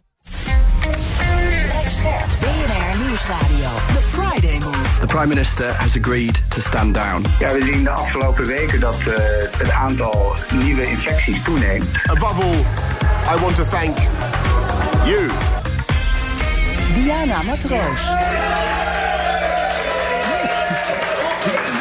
Wat een heerlijk sfeertje hier in de Sky Lounge eh, hier in Amsterdam. Advocaat Richard Korver is vanmiddag mijn co-host. En ook schuiven Roderick Velo, Marjolein Moorman en Jochem Uitenhagen nog zo bij mij aan. Dit is dus de Friday Move live vanuit de Sky Lounge in het eh, Double Tree by Hilton Hotel in Amsterdam. Met natuurlijk weer de beats van DJ Desmond. Ja, wat misschien eh, vraag je af eh, waar is eh, DJ Thomas Robson? Nou, die ligt denk ik samen met eh, Wilfred onder die parasol. En daarom zijn wij er vandaag. Je luistert naar de Friday Move van eh, 8 juli. Ben je nou spiritueel... En nogmaals, dat moet je nooit over jezelf je over uitlaten. maar dat weet jij wel. Waarom mag je daar niet over uitlaten? Nou, dat is aan de kan anderen. toch iets waar je voor kiest dat je gewoon ja, je Ja, spiritueel ik- wil ik- bezighouden? Ik denk niet dat je daarvoor kiest. Je bent het of je bent het niet. Maar, het is maar niet, is het belangrijk voor je? Spiritualiteit is denk ik voor ieder levend wezen van belang. Moeten we daar meer aandacht aan besteden? Nou, het zou eh, niet onverstandig zijn als mensen daar eens iets meer bij stil zouden staan. Bij wat de gevolgen zijn van hun acties. Niet alleen voor zichzelf, maar ook voor anderen. Eh, en het idee dat als jij iedere dag drie keer eh, nadenkt over... Goh, waar ben ik vandaag dankbaar voor? En dat kunnen hele simpele dingen zijn. Moet je eens doen een maand lang. Daarna Ja. ben je echt een stuk gelukkiger. En dan ga je opeens hele rare dingen doen. Ga je mensen voorrang geven in het verkeer. En eh denk je, goh, nou, die heb ik alweer binnen. Ja. Eh, Welke en, drie dingen zei je vandaag tegen jezelf dan? nou, ik doe het altijd aan het eind van de dag, eerlijk gezegd. Ehm, en, eh, Wat doe je? eh, mezelf afvragen waar ik dankbaar voor ben die dag. Eh, en, en dat kan soms iets heel onbenulligs zijn. Dat iemand waarvan ik het niet had verwacht eh, mij vriendelijk groet. Eh, het kan zijn dat je een rechtszaak wint. Eh, maar het zijn, heel vaak zijn het juist de kleine dingen eh, die dankbaar maken. En eh, als ik met mijn handen vol eh, hier aankom lopen toevallig, wat zo was... en er is een meisje die even de deur opentrekt... zodat ik in één keer door naar binnen kan... ja, daar ben ik wel dankbaar voor. Ja, nou, ik vind het goed dat je erbij stilstaat. Ik probeer dat zelf ook steeds meer te doen. En misschien is het wel de dankbaarheid die jij gaat brengen, Roderick Eh, journalist eh, en intussen ook bij ons eh, aangeschoven. En wat wel mooi is, je bent natuurlijk mijn oud-collega. We hebben heel lang samen het nieuws gelezen voor RTL Z, RTL Nieuws. We zijn allebei nu intussen een tijdje weg. En ik kwam jou tegen afgelopen week, Kerkstraat. Ik kwam fietsend aan van het werk. Ik, nou, ik, ik, ik, nou, ik bumpte echt tegen jou op. En toen liep jij met je boek en toen zei kom je vrijdag? Precies. En dus, vanwege het toeval zit ik hier inderdaad. Want Ja. ik had net zo goed een andere weg kunnen nemen. Of Diana had een vijf minuten later van huis kunnen gaan. Of het niet kunnen vragen. Of het niet kunnen vragen. Of, eh, ja, precies. Nee, maar goed. Dus dat is eh, inderdaad mooi toeval. En daarom zit ik hier. Ja, jouw boek, eh, hij is al een paar keer, je hebt de uitzending niet eh, kunnen horen, maar een paar keer gevallen. De schijn eh, regeert. Waarom dacht je, ik moet dit boek echt schrijven? Het is natuurlijk ook wel naar aanleiding van je columns, hè? in Telegraaf Ja, precies. Nou, het was meer dat de uitgever Blauwburgwal eh, naar mij toe kwam. Die belde mij en die zei van... Goh, Roderick, is niet een idee om eens een keer jouw columns te bundelen onder een bepaald thema. Dus toen ben ik ze weer eens gaan, helemaal gaan lezen. De allereerste heb ik ook nog. En toen dacht ik, nee, dit is toch echt niet eh, goed genoeg voor een bundel. Eh, ik, ik was echt eh, zwaar teleurgesteld in, mij, in mijzelf. Maar op een gegeven moment, als je, ik ging meer doorlezen. En toen op een gegeven moment kwam ik, ja, werd het wel iets beter. En de selectie heb ik eh, zelf gedaan samen met de uitgever. En toen kwamen we eh, op het idee dat er toch eigenlijk heel veel columns gaan over eh, hypocrisie, over schijnoplossingen, over zowel in het bedrijfsleven als in de politiek als eh, bij mensen ook. Wij zijn, we leven natuurlijk heel erg aan de voorkant, hè, ook door sociale media. Zijn we natuurlijk, eh, de voorkant is heel erg belangrijk. Je, we- worden gecanceld door één uitspraak, we worden ge, ge- geneeld, ge- ja, onze reputatie gaat eraan eh, vanwege iets heel kleins. Dus eh, het leef, we leven heel erg aan, aan, aan de voorkant en die schijn is heel erg belangrijk en vandaar ook de schijn regeert. Ja, en ik merkte eh, aan jou, Richard, dat jij echt ermee bezig bent eigenlijk Ja, ja. met dit onderwerp. En je hebt het hele eh, boek, eh, hier ligt jouw boek, eh eh, Roderick, Ja, helemaal ik- ik- Ik, ik hoorde het pas gisteren, dus ik heb het moeten doen met een printje. Kijk, ik heb een exemplaar voor je. Heel fijn, dat vind ik heel leuk. Eh, nee, maar het is heel belangrijk dit. Want eh, het gaat tegenwoordig overal over beeldvorming. Als je bijvoorbeeld kijkt naar instituties als de rechtspraak en justitie... daar zijn bijna meer mensen, als ik het even iets chargeer... eh, bezig met communicatie dan met de inhoud. Eh, en die worden ook steeds belangrijker gevonden. Er worden persberichten gemaakt. En, en eh, als ik iets lelijks twitter over de politie... dan heb ik in no time de woordvoerder van de politie in mijn DM... van meneer Korver, wilt u ook even de andere kant van het verhaal horen... en wilt u die wel ook belichten? Of nog beter, kunt u niet die tweet weghalen? Ja. Die zijn helemaal bezig. Je ziet het nu met die boer, met die jongen. Eh pam, binnen Ja, een uur Jouke, hè? persbericht. Jouke, ja. Maar je ziet het ook in de, bij, de, bij de politici. Hè. Alle Kamerleden die knippen hun filmpjes voor sociale media. Je ziet het ook bij staatssecretarissen, bij ministers. Die gaan ergens op bezoek en die maken dan een filmpje van zichzelf. En om, voor dat, om dat op Twitter te zetten. Ja, maar het wordt heel eng, hè? Want uh, je, je had het net over reputatie. En uh, voor een politicus is reputatie toch wel eigenlijk zo'n beetje het enige wat hij heeft. En als dat wordt aangetast door bijvoorbeeld een, een valse beschuldiging, die zomaar in het politieke ja. bedrijf kan opdoemen, want daar kunnen andere mensen electorale belangen bij hebben. Hè? Maar ik vind dus... eigenlijk al uh, erg wat je zegt, dat dat dus het enige is wat ze hebben. Terwijl ik denk, het gaat toch om de inhoud. Precies, ja. Ja, maar, maar we zijn dus blijkbaar op dat punt aangekomen dat jij zegt dat is het enige wat ze hebben, hun uh, imago. Nou, uh, als dat imago beschadigd raakt, dan is niemand meer geïnteresseerd in wat hij inhoudelijk te zeggen heeft. Dus de volgorde is tegenwoordig dat je eerst moet zorgen dat je reputatie goed is. En, en daarna ga je nog eens kijken naar, naar de inhoud. En je hebt ook nog mensen die zeggen: Nou, reputatie, als ik maar heel veel uh, in beeld ben ergens, mm -hmm. I don't care who. die, die, die stromingen die kennen we allemaal ook. ja, en dan, dan krijg je bijvoorbeeld hele irritante commissievergaderingen. Ik zag er vandaag op Twitter eentje langskomen. Waarbij dan iemand, een of andere dissidentachtig figuur in de Kamer. alleen maar loopt te rellen in zo'n commissie. en het inderdaad niet meer gaat over de inhoud. Ja, is dat inderdaad. Je bent natuurlijk ook van huis uit. Uh, ben je politicoloog. Uh, um, is dat heel erg veranderd, Roderick, in de loop der jaren? Want ik denk, we hebben dan nu misschien de vorm sociale media daarvoor. Maar uiteindelijk vroeger deden we dat natuurlijk ook een bepaald imago. en dat op, op andere manieren oppoetsen. Ja, ik denk dat het altijd wel belangrijk geweest is. Maar sociale media, iedereen kan tegenwoordig uh, iets, er iets van vinden. Vroeger werden er uh, brieven gestuurd naar de kranten. En dan bepaalde de redacteur welke brieven in de kranten kwamen. Dat was dan het weerwoord wat media kregen. Tegenwoordig kan iedereen een Twitter-account of een Facebook-account uh, maken, aanleggen. Dus iedereen doet mee. Uh, en dat, dat, dat, nou ja, dat legt wel wat extra gewicht in de schaal, denk ik. Ja, nou geef je ook een paar voorbeelden in jouw boek. En misschien is dat ook even goed om die uh, te delen. Bijvoorbeeld zo iemand, uh, de zanger van YouTube, Bono. Daar heb je echt een bepaalde nou, irritatie bij. Niet, niet waarschijnlijk zijn muziek, maar wat andere dingen die hij doet. Leg eens uit. Nou kijk, Bono is een mooi voorbeeld van iemand die zich heel erg voordoet als strijder voor rechtvaardigheid en de armoede. En wat blijkt is dat hij toch eigenlijk vooral op schoot zit bij de macht. Hij is goede vrienden bij, bij Tony Blair. En hij komt op het World Economic Forum. En um, mijn ergernis zat hem in dat. Daar kan hij, hij ook strijden, hè, natuurlijk, uh, voor, ja. om die armoede op te lossen. Dat hoeft niet verkeerd ja, maar, te zijn. Nee, precies. Maar dat doet hij dus niet. Uh, hij vindt dat dus blijkbaar veel belangrijker. Want uh, zijn biograaf heeft dat allemaal uitgezocht. En 2005 is een heel belangrijk jaar in de biografie van Bono. dat hij um, die mensen die hij spreekt, dus de toegang tot de macht die hij heeft, niet afrekent, niet Um, vraagt van hoe zit het ermee? En wat blijkt ook uit de gegevens is dat die armoede niet wordt opgelost. Dat uh, alles waar hij zegt voor te strijden, dat dat niet wordt opgelost. En hij heeft de kans om bij de macht te zitten en, en die ja. uh, ter verantwoording nou ja, te roepen. En dat nog, gebeurt niet. Je zegt hij maakt gebruik van de belastingparadijzen. Dus hij ja. ontduikt zelf ook zijn verantwoordelijkheid om voor de minder bedeelden op te komen. Exact. Hij, hij predikt dus herverdeling van uh, geld en van macht. Uh, om juist ook de boel meer gelijk te trekken. Maar hij ontloopt zelf de belasting door uh, zijn geld. onder andere hier in Amsterdam bij een brievenbusfirma op de Herengracht uh, neer ja, te zetten. Ja, ja, ja. Uh, dus het is een. en die hypocrisie daar. Um, ja, dat is altijd voor mij een, een rijke bron voor een column. En die ja. zie je ook in, in de politiek, je ziet het in het bedrijfsleven. Uh, dus het is, wat mij betreft is het een hele goede tijd uh, voor, om, om, om, columns te schrijven. Te en, en om ja. dit boek te schrijven. Ja. En noem eens nog wat meer voorbeelden waarvan je echt zegt... dat is echt de schijn die regeert. Misschien iets uit het bedrijfsleven, de politiek? Nou, wat, wat, je bijvoorbeeld hebt gezien is dat... je ziet bijvoorbeeld een bedrijf als Unilever. Dat is een bedrijf wat zich heel erg, ook via de sociale media... en de eigen website... Um, presenteert als een bedrijf wat uh, opkomt voor homorechten, voor uh, transrechten, um, voor rechtvaardigheid, uh, arbeidsomstandigheden. Um, zij treden daarbij zelf in de media om dat allemaal op Pride, in Pride Maand of op andere momenten over het voetlicht te brengen.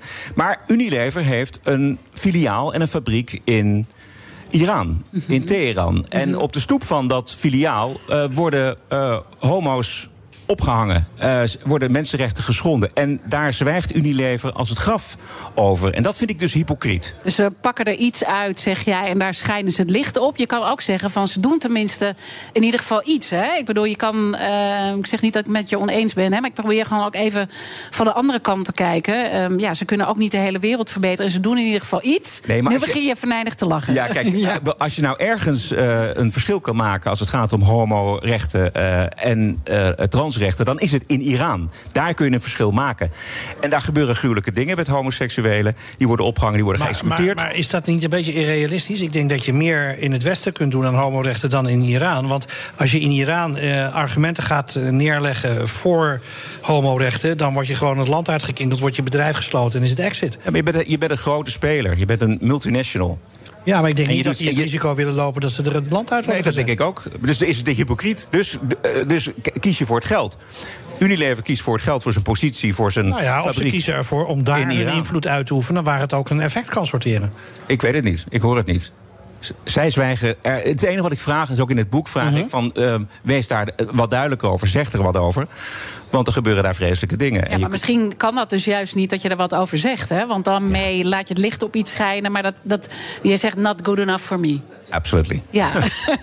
nou ja, ik, ik probeer ook even bij jou eh, te kijken, Richard. Want eh, jij was er natuurlijk niet bij toen wij begonnen aan de uitzending. Maar jij maakt je wel zorgen over de schijn. Jij ziet diezelfde schijn ook. Dat is wat jou bezighoudt, ook in de door- politiek. het is doorlopend. Kijk, als, als er eh, eh, een mevrouw mishandeld wordt door een politieagent... zijnde haar vriend, en die wordt blijvend invalide gemaakt... eh, en de officier zegt, ach, dat ga ik met een gesprekje afdoen. Nou, dan klim ik in de pen.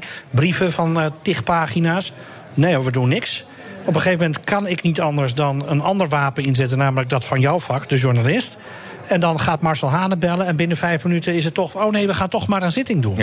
En dan denk ik, ja, dan gaat het toch echt verkeerd in dit land. Als, als de mediadruk of de beeldvorming bepalender is voor de inhoud dan de inhoud. Eh, en dat zie ik wel echt aan de lopende band gebeuren. Ja, maar dat, daar kun je volgens mij niet zoveel aan doen. Je kunt niet eh, van media, mensen, politici, eh, bedrijven verwachten dat ze eh, zich onttrekken aan eh, de in- beïnvloeding van de, van de eh, beeldvorming. Waar ik, Nou, dat waar is, ik een het is een heel breek- sterk punt ook wat je maakt. Hè. Je kan journalisten, terwijl je ze zou kunnen zeggen... joh, er gaan allemaal verhalen eh, worden er verspreid. Natuurlijk moeten wij als journalisten dat eh, ondervangen... en daar een ander licht op laten schijnen. En toch zeg jij, die beeldvorming... dat is niet de verantwoordelijkheid van journalisten. Ja, daar ben ik, dat, is, dat is mijn punt wat ik maak Ja. in dit boek. Ehm, want de beeldvorming. De, journalisten moeten zich bezighouden met de feiten. Dat is eigenlijk wat, waar, waar het hen om, hen om gaat. Ja, maar wat jij met jouw als er- boek zelf heel goed doet... is dat, denk ik, een journalist zich ook bezig moet houden... met het blootleggen van... hé, hey, kijk eens, de macht reageert op eh, bijvoorbeeld eh, pers. Eh, dan gaat de macht in beweging. En als er een advocaat voor diezelfde mevrouw aanklopt, doet men niks.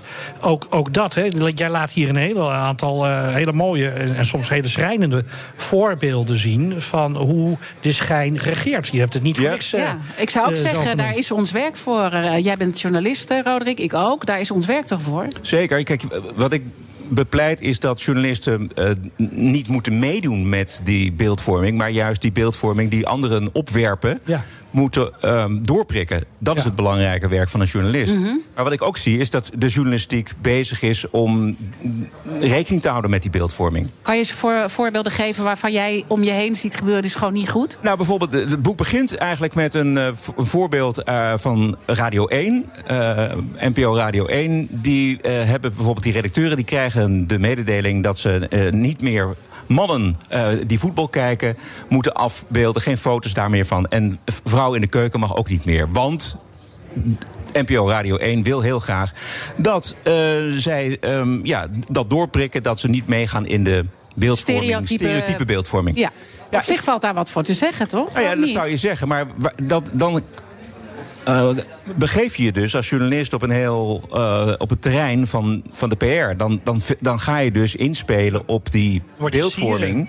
Ja, dan word je sieren precies. En dan, en dan ga je dus... Ik ben bestuurslid bij Sier, hè, dus pas op. Ja, daarom zei ik het. Dan ga je op een Oh, hele... ja, dat wist jij. Ja, dat wist ik. Ik heb ook mijn huiswerk gedaan. Oké, wat Maar goed. Je gaat op een hele eh, ethische manier zitten en je, ga- en je gaat weg van de feiten. En voordat je het weet ben je dus bezig met eh, bepaalde feiten ehm, terzijde schuiven. Omdat eh, het hoofd Ja, van maar- Radio maar 1 zeg heeft je je dan dat van, er je nooit moet, eh, iets hersteld moet worden aan de geschiedenis? Ik bedoel, er zijn ook bepaalde eh, dingen ingeslopen, ook, eh, ook bij journalisten, die misschien helemaal niet feitelijk zijn. En dat je ook weer terug moet naar een realistische weergave. En dat zeg ik ook omdat jij best wel tegen diversiteit bent. Dan kom je natuurlijk even op mijn eh terenplekje. Ja.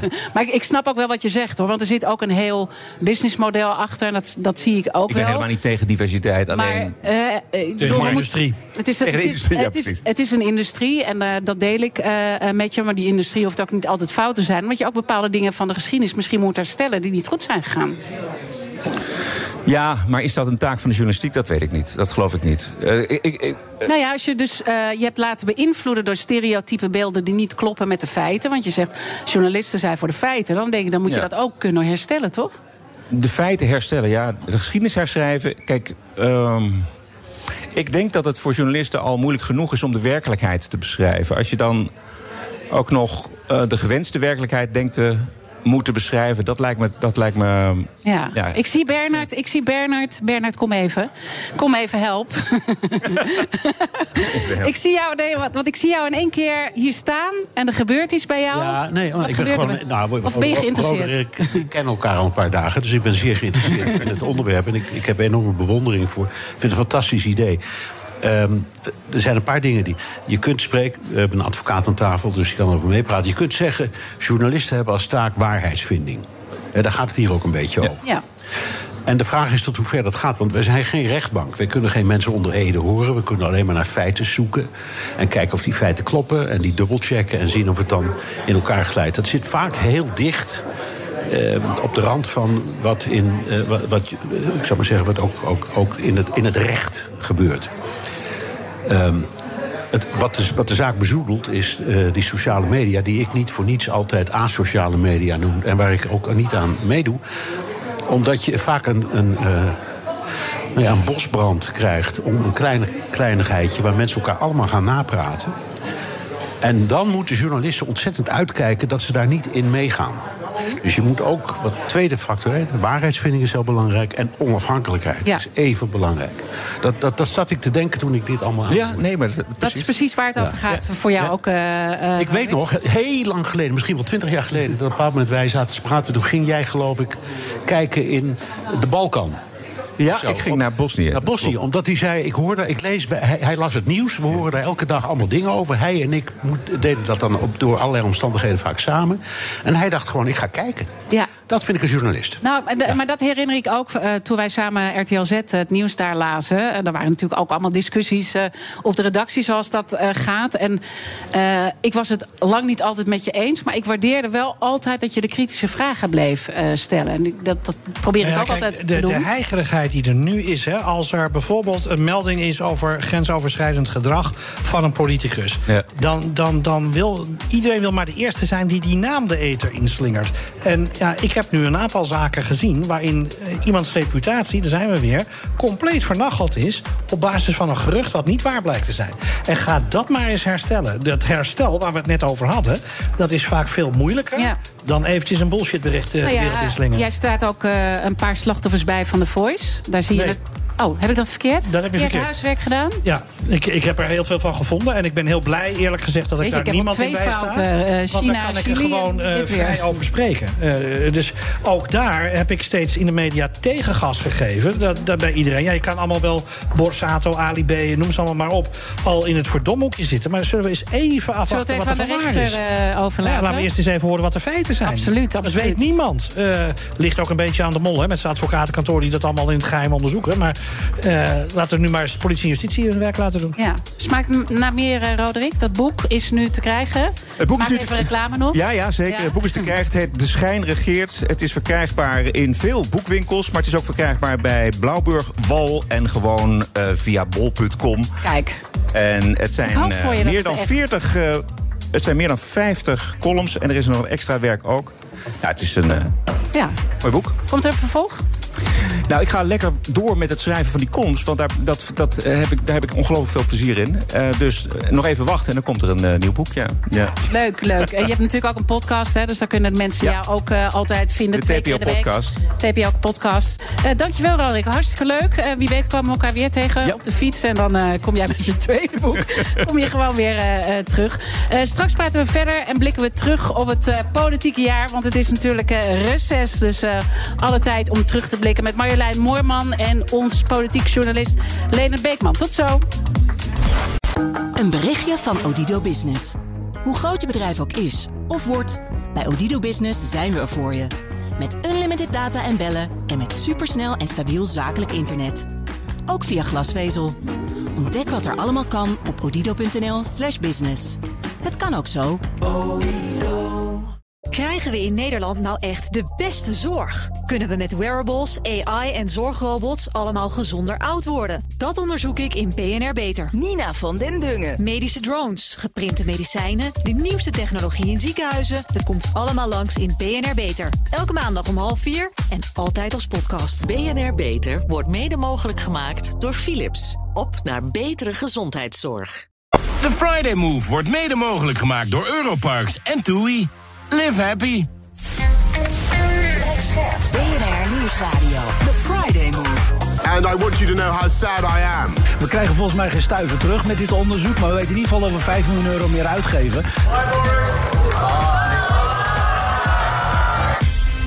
Diana Matroos. Het was opnieuw een week van de boerenprotesten. En ze voelen er helemaal niets voor om te overleggen. Ja, hoe komen we uit deze impasse? Dit is de Friday Move live vanuit de Sky Lounge in Amsterdam... met de beats van DJ Desmond.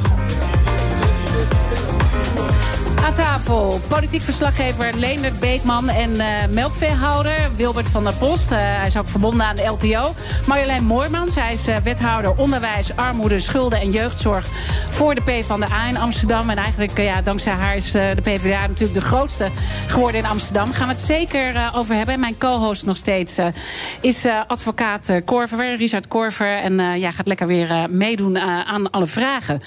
ja, allereerst reces, en dat zei ik net. En toen zei Marjolein ja, doe ik moet nog een week werken. Voor mij is het nog geen reces. Nou, nog, nog langer. Maar we hebben in Amsterdam eh, is er gewoon een gemeenteraad deze week. Dus het politiek gaat, draait gewoon in Amsterdam door. En daarna eh, ga ik ook nog gewoon door. Ik ben nu ook loco-burgemeester. Dus eh, ik heb gewoon piket de, ja, de eerste Ze zijn eigenlijk een beetje lui daar in landelijk politiek Den Haag. We beginnen al meteen lekker, hè, Diana. Ja, ja, ja. ja. Eh, Leendert, je was natuurlijk gisteren... want wij probeerden ook heel veel mensen deze kant op te krijgen. Zeiden ze allemaal, oh, we zijn zo moe, we trekken het niet. Ja, veel Ja. afspraken al gemaakt. De eerste Ja. dag reces. Dus het was lastig om je gasten te krijgen. Ja. Ja, iedereen is wel toe aan reces in eh, Politiek Den Haag. Maar hoe was het feest? toen mocht ik komen. Hoe was het feest? Ja, nee, hoor, nee, nee, nee, nee, zo is het niet gegaan. We hadden hier gewoon veel meer aan tafel moeten zitten. Ik denk ook een beetje slappe hap daar. Of, eh, nee, ben ik nu heel dat was, eh, de, de afgelopen dagen zijn heel druk geweest. Heel veel twee-minuten debatten, zoals dat dan heet. Want ook bij de kleinere debatjes, bij de, in de commissiezalen... kan je geen moties indienen. Dus de afgelopen dagen, geloof ik, 30 debatten achter elkaar geweest... om moties in te dienen. Die zijn ook nog, eh, daar is nog over gestemd. Twee keer tot diep in de nacht vergaderd. En daarna het eindfeest in Nieuwpoort. Ja, Nieuwsport. vertel even. Heb je nog leuke nieuwtjes of zo? Ja, alles wat in Nieuwsport gebeurt, blijft in Nieuwsport. Nee, het was gewoon een heel gezellig feestje. En eh, Michiel Breedveld van NOS, die kwam met zijn band spelen. Joost Eertmans was DJ. Dus, ja. Meen je niet? Ja, wel. Oh, die moeten we hier een keer bij de Friday Move vragen. Dat Als DJ. Joost Eertmans. Ja. Is ook niks, een heel verhaal van. Joost Eertmans, DJ, dat was toch een van de redenen dat het toen ook misging eh, bij eh Thierry, of niet? Bij Thierry? Ja, Oh, dat- omdat ze een andere muzieksmaak hadden. Nee, dat was met kerst. Oh ja. Nee, met kerst gaan, eh, vertellen de politici wat hun lievelingsnummer is. Er werd een soort van lievelingslijstje van. eh, en toen had Thierry ergens midden in de nacht had hij een, eh, een mailtje gestuurd. Wat is dit voor een, nou ik zal zijn woord niet herhalen, muziek? Eh, hij was het niet eens met de keuzes die op dat lijstje stonden. Elk jaar komt dat lijstje trouwens uit. Dus Ja. interessant om te zien wat, Ja, welke, we welke zijn ook een beetje kiezen. gevoelig dan. Want eh, ik denk, ja, feest, eh, moe. Eh, hè, er zit natuurlijk ook hier boer bij ons aan tafel. Je bent melkveehouder. Ehm, ik denk dat er vanuit jullie optiek niet veel te feesten viel gisteren. Nee, zeker niet. Dus eh, ja, wat qua reces betreft. eh, mijn laatste reces, eh, echte reces, was eh, de zomer van 2015. Dus dat duurt ook, is ook al een tijdje geleden. ja, precies. Jullie hebben geen eh reces. Maar merkte je dat, eh, Leen, dat het toch een beetje een zweem van deze spanningen allemaal in de samenleving? Ja. Het is echt niet gering, hè? En ik wil straks ook eh, horen wat Wilbert er nou Laat ik ook even over dat feestje zeggen. Het feestje is eigenlijk, hè, want Nieuwsport is van de journalisten. Het is een feest van de journalisten. Heel veel ambtenaren. Niet alle Kamerleden zijn er. Bewindslieden komen niet. Het is nu inderdaad reces. Eh, er wordt, volgende week is er gewoon nog ministerraad. Dan wordt het in augustus weer op, opgepakt. Ze hebben piket, dus er wordt zeker wel gewerkt in, eh, in politiek Den Haag. Nee, ik maak ook maar een beetje grapjes. hoor. ik wil ze nee, niet dus, zo eh, lullig want- eh, want ik, ik heb het heel maar- veel op Twitter gezien hoor. Hè, de- Ja. eh, 59 dagen reces. Eh, wat is dat voor iets belachelijks? Nee. Maar iedereen gaat er eigenlijk wel vanuit. Dat het zijn we natuurlijk even gaan eh, rondvragen. Wanneer zie ik u deze zomer weer terug? Nou, de meeste politici zeiden waarschijnlijk snel. Ja, ja, ja. En eh, ik bedoel, ik zou voor geen goud met ze willen ruilen. Laat ik dat even zeggen. Ook als het gaat om bedreigingen. Daar gaan we het zo meteen nog wel over hebben. Want daar begon ik eigenlijk ook de uitzending met Richard Korver mee. Toch even de sfeer. Hoe kijk jij terug op dit parlementaire jaar? Met gewoon al die heftige dingen. De boerenprotesten, de toeslagenaffaire. Ik bedoel, eh, eh, eh, het gaat maar door met de ellende eigenlijk. Ja, en begin dit jaar, toen Rutte 4 aantrad, was er eigenlijk heel veel geld uit te geven. En dat was ook wel, zeker bij de coalitiepartijen, een, een feeststemming. We hebben geld om het klimaat aan te pakken, stikstoffonds. Eh, we gaan de woningbouw aanpakken. Veel optimisme. Nou, dat, de, de inval in, eh, in Oekraïne door Rusland heeft alles veranderd. En die koopkrachtplaatjes, alles veranderd. Maar als we bijvoorbeeld over het stikstofdossier eh, praten. En, Wilbert van der Post eh, zit naast Ja. ons. Ja, dat was nu ook. eh, ondanks de oorlog in Oekraïne was dat stikstofdossier nog steeds op tafel gekomen. En waren er nu ook boerenacties geweest. Dus een deel van de, de crisis die nu in Den Haag heeft te maken met de oorlog. Een ander deel. Echt Bijvoorbeeld de woningnood. Daar weet Marjolein Moorman als wethouder hier in Amsterdam ook genoeg eh, vanaf. En armoede natuurlijk. hè, Armoede, ja, een armoede punt, zit eh, wel heel erg ook aan, eh, aan koopkracht vast. En, Er de- is- en de toeslagenaffaire, hè? dat is Ja. allemaal een beetje met elkaar te maken. Maar laten we even naar Wilbert gaan. Hashtag trots op de boer staat daar heel groot op je t-shirt. Je bent dus trots, maar het is ook een hele moeilijke tijd. En heb jij nou gevoel hoe we uit die impasse moeten komen? Want het is, nou, impasse, dan druk ik het nog een beetje verkeerd uit. Het gaat echt agenten die gaan schieten, eh, boeren die echt eh, een minister gaan bedreigen. Het, het loopt gewoon helemaal uit de hand. Ja, dat eh, lijkt er wel op dat het inderdaad eh, behoorlijk uit de hand gaat lopen. Dus ik moet zeggen dat agenten die gaan schieten, ja, kan natuurlijk gewoon niet. Als je ziet ook de reden waarom ze zijn gaan schieten. Ik, zie, ik heb de filmpjes gezien. Ik begrijp het niet. Dus, het zal wel. Dus er wordt dan gezegd, ja, reed op, op de agent in. En nou, het is nu allemaal geseponeerd. Dus er blijkt dus ook wel dat dat niet, eh, niet klopt. Maar je merkt wel dus dat de politie natuurlijk heel erg onder druk staat. En ja, dan kan er gezegd worden, ja, het is de schuld van de boeren. Maar ik denk eerder dat de schuld gewoon is bij Den Haag... die gewoon totaal niet wil luisteren naar... eh, naar de boerenorganisaties. En gewoon een eigen plan trekken. En zeggen, jongens, eh, zoek het maar uit. Nu, als, nu ook Remkes die aangesteld is. Ja, eh, Remkes is, eh, die heeft het plan eh, bedacht om dus 50% van de boeren dus, uit te kopen. Ja, want eigenlijk waren de kabinetsplannen die waren wat, nou ja, wat, wat lichter aangezet. En hij kwam daar met zijn adviescollege, waar hij de voorzitter van was, even overheen dat het allemaal scherper moest. Ja, dat klopt. En die man is nu dus als bemiddelaar aange- aangesteld. Terwijl de boerenorganisaties hadden andere mensen hadden aangedragen. Dus de boeren hebben er geen vertrouwen in. Vervolgens zegt Rutte van ja, de doelen blijven hetzelfde. Het, de, het tijdspad blijft hetzelfde. Dus eh, daar valt niet over te praten. Maar er gaat nu een bemiddelaar komen die eigenlijk moet zorgen dat de boeren gewoon eh, meewerken. Ja, en, Ja. En, en, en, dat is natuurlijk, ja, misschien is het goed dat jij nog even aanvult, Leen, dat wat eh, Rutte net bij de persconferentie Ja, zei. Want LTO, eh, die heeft, hè, waar jij natuurlijk ook aan verbonden bent, Wilbert, die hebben eigenlijk gezegd: joh, wij willen niet met Remkes praten, gaan we niet doen. En eh, Rutte houdt vast. Ja, de grote vraag was natuurlijk bij de persconferentie: hoe nu verder? We hebben drie boerenorganisaties ondertussen al die niet met Remkes aan tafel willen zitten. Precies om wat Wilbert vertelt. Hij heeft dat rapport geschreven. Daar is nu het kabinetsbeleid op gebaseerd. Wij willen niet met hem aan tafel zitten. Waarom gaat u dan toch met hem verder? En Rutte blijft dan herhalen: ik zie dat anders. Zoals Rutte heel vaak dingen anders ziet. Ik zie dat anders. Eh, Remkes heeft heel veel ervaring. Dat komt wel goed. Maar meneer Rutte, komt het echt, dat komt wel goed. Heeft hij keer op keer herhaald.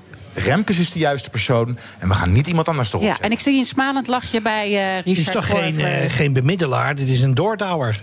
eh, laten we dat dan even gewoon benoemen zoals het is. Eh, een bemiddelaar is iemand die open naar beide partijen luistert en kijkt of hij nog wat tot stand kan brengen.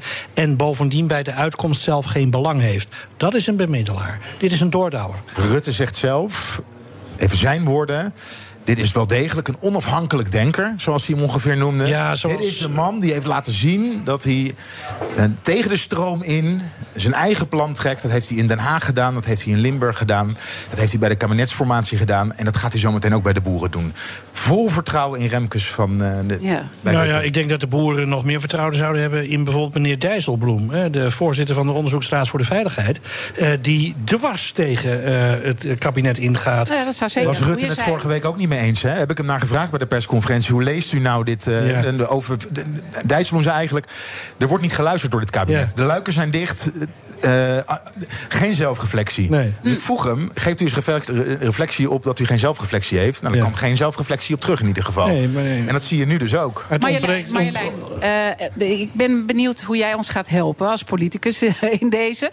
Een verstandig eh, iemand, eh, eh, zo lijkt je me al altijd overkomen. Hoe, hoe komen we nou uit deze impasse en hoe duid jij wat er aan de hand is? Nou ja, Wilbert eh, had natuurlijk nu net het cruciale woord. En het gaat over vertrouwen. Kijk, in die zin is een bemiddelaar eigenlijk al wonderlijk. Want dat zouden natuurlijk de ministers moeten zijn. Hè, dus waarom doen niet Van der Wal en Staghouwer? Dat zouden eigenlijk de bemiddelende partijen moeten zijn tussen eh, de boeren en wat er ook moet gebeuren. Sorry Marjolein, maar het is eigenlijk nu aan de provincie. De provincie moet met de boeren aan tafel Nou, dat zitten. zou ook kunnen, hè? want dat is wat, wat inderdaad Van der Wal heeft gezegd. Hè? Dus dit is wat er moet gebeuren.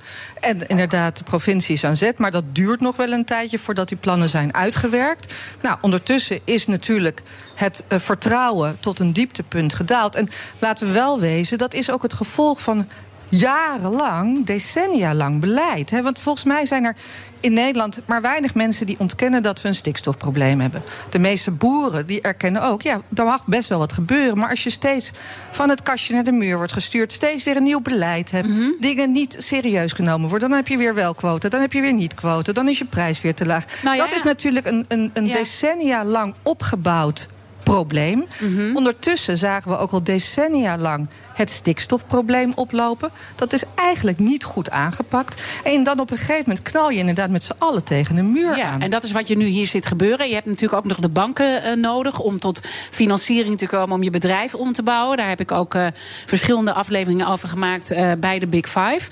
Dat komt dan ook niet van de grond. Kan je eens beschrijven, Wilbert, hoe, hoe jouw leven nu is? Je bent geloof ik de, de laatste melkveehouder uit Leiden. Ja, dat klopt. Eh, eh, en eh, je zegt het is een struggle. heb je met, met de redactie ook besproken om rond te komen?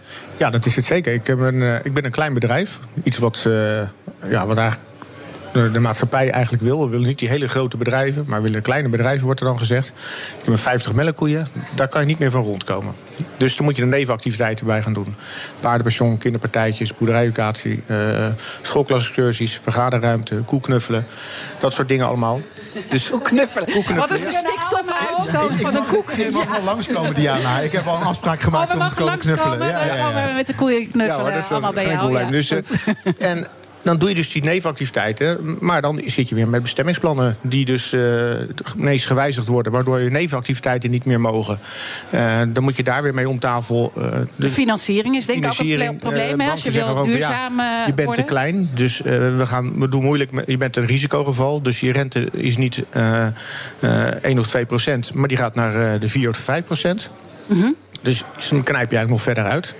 Dus je hebt als kleine boer krijg je het steeds moeilijker. Dus die grote bedrijven die hebben meer kans om te overleven. Maar dat is juist wat de maatschappij dan weer zegt dat ze dit niet En zit er niet toch ook iets bij eh, jullie zelf? Dat klinkt heel generaliserend, hè, jullie, maar zo bedoel ik het niet. Maar eh, dat, dat, dat jullie toch ook niet. Eh, hè, ik bedoel, als je een, een, een ruzie met elkaar hebt, want dat, dat, dat, nou, dat is nog een ander statement.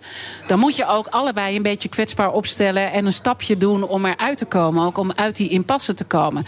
Nou, dan zien we een paar dingen gebeuren. Ook be- best veel agressie onder boeren. Niet allemaal, maar wel een eh, deel. Eh, je ziet ook de sympathie ook een beetje afnemen bij de bevolking. Met eh lege schappen bij de Albert Heijn. Hè, dat mensen ook een beetje beginnen te vloeken. Eh nou, kan je ook weer wat van vinden. Onverdraagzaamheid. Maar zit er ook iets bij jullie dat je denkt... we moeten toch iets meer gaan bewegen? Nou, sowieso, eh, de boeren willen best praten. alleen er zijn nu twee, eh, gewoon twee punten gezegd. Er is gewoon gezegd ja, de doelen die we gesteld hebben, daar we dan vast. Daar valt niet over te, over te praten. En het tijdspad valt ook niet over te praten. En dat is juist waar het nu hier om gaat. Dus uh, die doelen zoals ze nu gesteld zijn, die zijn gewoon niet haalbaar. Maar komt daar dan die agressie vandaan? Dat je eigenlijk gewoon je in de hoek gezet voelt en gewoon vermorseld wordt en nog maar Ja, één weg ziet? Of keur je het af? Er wordt nu agressie genoemd. Eh, ik denk dat het voornamelijk eh, een gevoel van machteloosheid is. De machteloosheid die er nu gewoon enorm heerst onder de boeren. We weten niet waar ze aan toe zijn. Eh, raken hun bedrijf kwijt. Maar het gaat niet om die boeren die dus hun bedrijf kwijt. Het gaat om de gezinnen die eigenlijk gewoon kapot gemaakt worden. Want gezinnen worden gewoon verdreven van een, van een woning, van hun leven. Wilbert, je zegt, er, kan, er, kan, er zijn doelen die gesteld zijn en er is geen ruimte meer. Maar dat zijn natuurlijk niet alleen maar doelen die gesteld zijn. Er is een pasafspraak, of een pasuitspraak van de rechter. Daarvoor, en vanwege die uitspraak waren er drie jaar geleden ook al boerenprotesten. Dat is precies. Eh, dus het is, niet, het is niet het geval. Het, het komt niet ineens Nee. als een donderslag bij heldere hemel. De Jullie wisten ook dat dit zou gaan gebeuren. Dat is waar, ja. En dat heeft natuurlijk wel te maken met eh, de, de normen die we in Nederland gesteld hebben... voor de, bijvoorbeeld de kritische depositiewaardes. Eh, als we daarnaar kijken, eh, die in Op Nederland... vrijdagmiddag, wat is dat? De kritische Ja, ja, heel depositiewaarde? goed dat je dat eventjes... eh, Sorry, maar... Ja, dat is dus de, de kritische waarde, wat je zegt, de, de stikstofdepositie... waar die aan, eh, eh, maximaal aan mag voldoen. Ja. Om dus Maar weet je wat volgens mij het probleem is? Isabel Allende heeft ooit een mooi gedicht gemaakt... en dat begint met de woorden... machteloosheid leidt tot razernij. Kijk, je kan het allemaal wel zeggen van de rechter en de doelstellingen... maar welke tool wordt die boeren aangereikt? Welk hulpmiddel wordt ze aangereikt? Ja, daar, ik, ben, ik ben dus naar de provincie Zuid-Holland vorige week geweest. Want de provincie moet dit beleid gaan uitvoeren. En ik dacht, er was een commissievergadering over het stikstofbeleid. Ik ga eens kijken hoe gaat de provincie dit dan zo meteen uitrollen. Welke ideeën zijn er? Heel veel kritiek op het overheidsbeleid, heel veel kritiek op het kaartje. Maar concrete plannen op dit moment vanuit provinciale staten.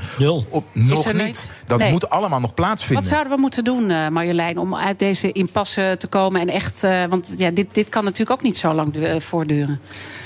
Ja, en ik vind het zelf heel lastig. Vanuit Amsterdam eh, zijn wij hebben het inderdaad niet over stikstof. eh, Nee, heren, dat is ook zo, ja. En, ik- en ik zie, nog wel ik zie heel erg de woede. En kijk, het is ook misschien niet zo zinvol om te zeggen... ja, waren we dan maar met z'n allen eerder begonnen? Want we zijn niet met z'n allen eerder begonnen. En daardoor hebben we dit probleem. Maar uiteindelijk is de enige oplossing het bouwen aan vertrouwen.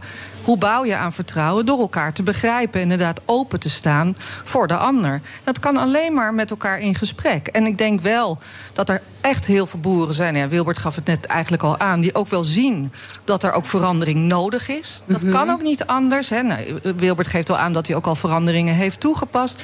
Dus ik denk dat er bij een hele grote groep boeren echt wel bereid is om dat te doen. En ik denk dat het aan de kant van het kabinet ook belangrijk is dat duidelijkheid wordt geschapen. Want het heeft geen zin om steeds te zeggen: nou, dan schuiven we het weer naar voren, dan geven we het weer aan een ander. Want met het niet scheppen van duidelijkheid is eigenlijk een heel groot deel van het wantrouwen ontstaan. Hè? Want Nou het ja, is eigenlijk dit wat is we de- natuurlijk ook de, de toeslagenaffaire. Volgens mij, eh, Richard, sta jij, ik hoop dat ik het nu wel goed zeg... Ja. eh, sta jij daar ook een paar slachtoffers bij. Ja. Volgens mij heb ik die zaken even net door elkaar gehaald. Mhm. Eh, jij bent natuurlijk ook heel erg bezig met eh, kinderen in armoede... ook kinderen in de toeslagenaffaire. Dit is natuurlijk ook iets wat over de aanpak van politiek Den Haag... Hè? we hebben eerder al, ben jij er kritisch over geweest, eh, Ja. Richard? Eh, ze missen de regie, eh, zeg jij. Hoe zou jij het duiden, Marjolein? Ja, en laten we ook eens even kijken naar het aantal enquêtes wat loopt. Hè. Dus inderdaad, we hebben de- deze week eh, de Groningen, Groningen-enquête. We hebben inderdaad over toeslagenschandaal. eh eh, krijgen we ook een enquête.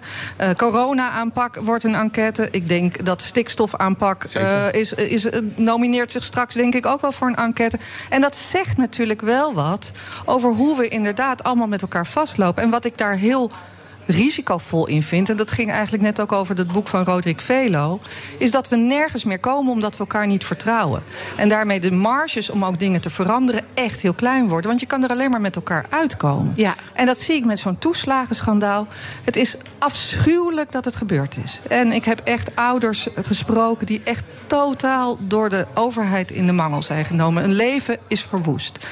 Wat het nog erger maakt, het is ook niet opgelost. Ja. Hè, dus dan Nou, weten we eigenlijk het en dan hebben we het hiermee. Het is niet opgelost. Hebben het beest in de ogen gekeken. Hebben we ook inderdaad niet opgelost. En vervolgens lukt het dus ons ook niet om dan als overheid dat ook nog eens op te lossen. Wat ook laat zien hoe machteloos we met z'n allen aan het worden Maar, maar, zijn. maar, maar jij kent die politiek door en door. En ik bedoel, wij, het altijd makkelijk roepen vanuit de, vanuit de eh, zijlijn. Wat, wat gaat er nou structureel mis bij politici dat ze dat dus niet doorbroken krijgen? Ik snap het gewoon niet. Nou, ik denk een enorme defensieve reflex. Hè, dus eh, het, eh, het erkennen van fouten, dat er altijd fouten plaatsvinden, wordt heel moeilijk gevonden. Hè, dus misschien inderdaad te veel leven in een soort van beeldvorming. Zorgen dat, hè, nee, wij maken geen fouten. En doordat je niet kan erkennen, kan je het ook niet oplossen. Dus het begint wel maar- bij. maar is het niet gewoon een totaal ontbreken van visie? Dat was ongeveer de live slogan van de leider van dit land. Eh, maar Als je visie hebt, dan moet je naar de oogarts. Hè, was, Ja, eh, nou, nou, dat bedoel ik. En, en als er dan nu gevraagd wordt om reflectie op een visie... dan heeft hij geen visie en geen reflectie. Eh, met andere woorden, er is geen lens in, in die man zijn ogen te bekennen... als ik het even heel zwart-wit eh, zeg. Eh, maar dat is volgens mij waar het misgaat. Er is geen langetermijnvisie. is het niet een beetje makkelijk om het op Nee, één is man helemaal af niet- te is helemaal niet makkelijk. Ik bedoel, ze zijn er toch met z'n Nee, allen nee, nee, nee, nee, nee, nee. Meneer Rutte heeft er heel behendig voor gezorgd... dat zou uw politiek verslaggever moeten kunnen beamen... om steeds een mannetje tussen hemzelf en het probleem te zetten. Waar iedereen zegt, het is een teflonpan waar alles van afglijdt. Dat is helemaal niet waar. Het raakt hem niet eens, want hij heeft een spatscherm ertussen gezet. Ja, raakt het hem niet, eh Leendert? Nou ja, die zag dus ook de kritiek bij eh, onder andere de boeren, hè, de boerenprotesten. Waar is Mark Rutte? Hij vond zelf dat hij, en laat het eerst aan de vakministers eh, over. Hij vond zelf dat hij, natuurlijk vond hij dat hij goed opgetreden had. Maar op een gegeven moment was wel de vraag, waar is de regie van onze minister-president? En er staat vaak iemand tussen. Dat heeft ook bijvoorbeeld met, die, eh, eh, met OVV-rapport, dat wordt ondertekend door de vakministers en niet door Rutte. En de reflectie daarop. Dat wordt gek gevonden. Ja. Wat, eh, wat denk je dat de boeren gaan doen eh, nu, Wilbert? Ja, acties zullen blijven, eh, zullen blijven voorlopig. Eh, kijk, er is nu weer 100 miljoen is er extra uitgetrokken om dus boeren uit te kopen. En dat is dus wat er telkens ook eh, vanuit Den Haag be- berichten komen. Ja, er is zoveel miljard om boeren uit te kopen. Er is zoveel miljard eh, voor zoveel miljoen weer bij om sneller boeren uit te kunnen kopen. Heb ik nog tijd om één vraagje erover te stellen? Heel want we kennen elkaar heel lang. anders, eh, jij, hebt, jij loopt, je blijft maar tegen de overheid oplopen. Dat begon met de Oostfrietpolder waar gebouwd moest worden. Toen werd er een weg naast je boerderij gemaakt. Nu hebben die stikstofproblemen. Hier, Wilbert, een zak geld. Eh, dan, is, dan is eigenlijk al je kopzorgen zijn weg. Ja, dan komt de bank. Die haalt, alles, eh, die, die haalt je hypotheek eh, los je af. Dan ga je niet herinvesteren. Want je mag, niet meer her, je mag geen andere boerderij meer in Nederland beginnen. Eh beroepsverbod eigenlijk gewoon. Dan, zeg, dan eh, komt de Belastingdienst. Die zegt van joh, zo even afrekenen. je houdt niks meer over. Je houdt niks over. Je moet Nee. een eigen huis bouwen. En je dus moet je er moet echt een pakket komen waar ook eh, de banken ook een onderdeel van zijn. Een soort nationaal plan om jullie eigenlijk te helpen. Ja, we, we krijgen nu 100% geboden van de, eh, van de getaxeerde waarde, de agrarische waarde. Ja. Ja, dus als jij een koophuis hebt en, en je woont daar fijn, dan komt iemand langs en die koopt jouw huis op voor de 100%. Die zegt van 100%, hier heb je dat 100% en dan moet je even weg. Geen mens die dat doet. Nee. En dat wordt nu wel ge- geëist. En daarnaast, daarnaast een beroepsverbod. Ja, laatste woorden voor Marjolein. We zijn niet aan eh, GroenLinks, P van de A toegekomen. Doe ik volgende keer met je. Maar laatste woorden voor jou. Er is altijd heel veel te bespreken. Nou ja, ik denk dat het allerbelangrijkste is dat we ons realiseren dat er geen alternatief is voor een goede democratie. En dat dat betekent dat we echt met elkaar het gesprek moeten voeren. Hoe gaan we ook uit die vertrouwenscrisis komen? Want als we daarin blijven zitten, dan lossen we geen enkel probleem op in Nederland. Ik praat straks eh, verder samen met Richard Korver. Het laatste half uur van de Friday Move. En dan met Jochem Uitenhagen. En die gaat ons een beetje lekker het weekend inpreppen. Een beetje ontspannen. Want dat moet natuurlijk ook. Tot zo. Een berichtje van Odido Business. Hoe groot je bedrijf ook is of wordt, bij Odido Business zijn we er voor je. Met unlimited data en bellen en met supersnel en stabiel zakelijk internet. Ook via glasvezel. Ontdek wat er allemaal kan op odido.nl/slash business. Het kan ook zo. Krijgen we in Nederland nou echt de beste zorg? Kunnen we met wearables, AI en zorgrobots allemaal gezonder oud worden? Dat onderzoek ik in BNR Beter. Nina van den Dungen. Medische drones, geprinte medicijnen, de nieuwste technologie in ziekenhuizen. Het komt allemaal langs in BNR Beter. Elke maandag om half vier en altijd als podcast. BNR Beter wordt mede mogelijk gemaakt door Philips. Op naar betere gezondheidszorg. De Friday Move wordt mede mogelijk gemaakt door TUI en Europarks. Europarks, je perfecte vakantie of je eigen tweede huis. BNR Nieuwsradio. The Friday Move. The Prime Minister has agreed to stand down. Ja, we zien de afgelopen weken dat uh, het aantal nieuwe infecties toeneemt. Above all, I want to thank you. Diana Matroos.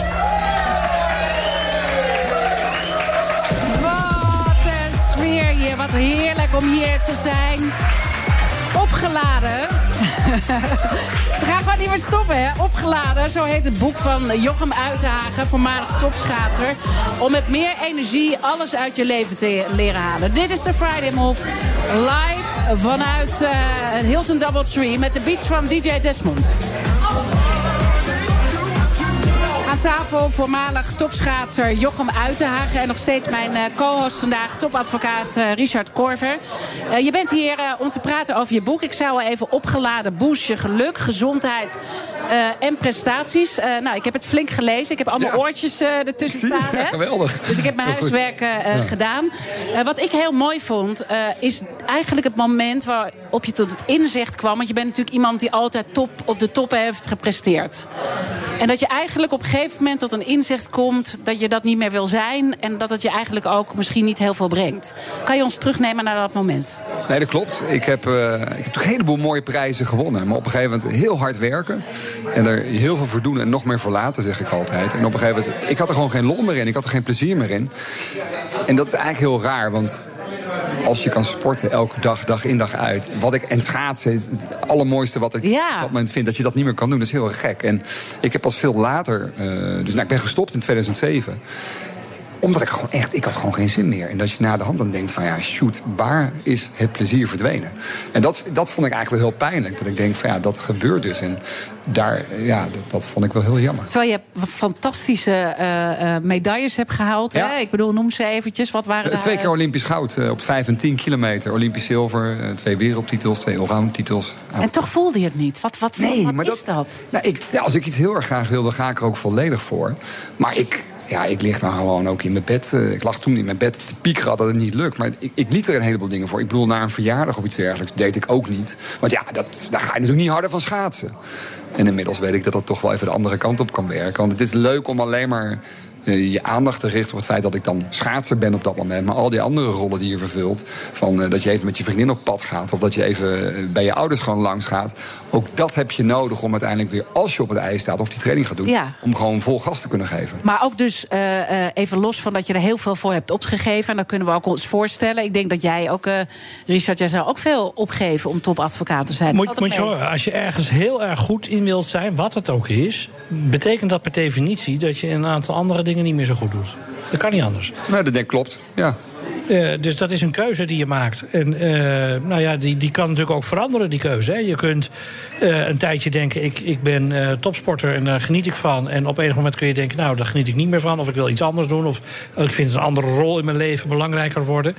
en dan ga je iets anders doen. En er zijn ook mensen die ja, hebben een heel gematigd, gemiddeld leven. Uh, en er ja. zijn momenten dat ik daar jaloers op ben. Hè. Als ik de hele ik dag. Ook, ik ook. Ja, maar, ja. maar die jaloersheid houdt nooit lang aan. Nee. Uh, want dan denk ik, ja, oké, okay, het zou voor een dagje wel leuk zijn. Wat, maar... wat denk jij dan wel eens wat voor een dagje leuk nou ja, zou als zijn? iemand om vier uur al op zijn balkonnetje zit uh, met een glaasje wijn, et cetera, en ik moet nog uren door, dan denk ik wel, godsamme, dat zou ik ook wel willen. Maar het lijkt me soms ook lekker om achter de kassa te zitten, gewoon. Ja, ja bijvoorbeeld. met mensen, gezellig. Ja.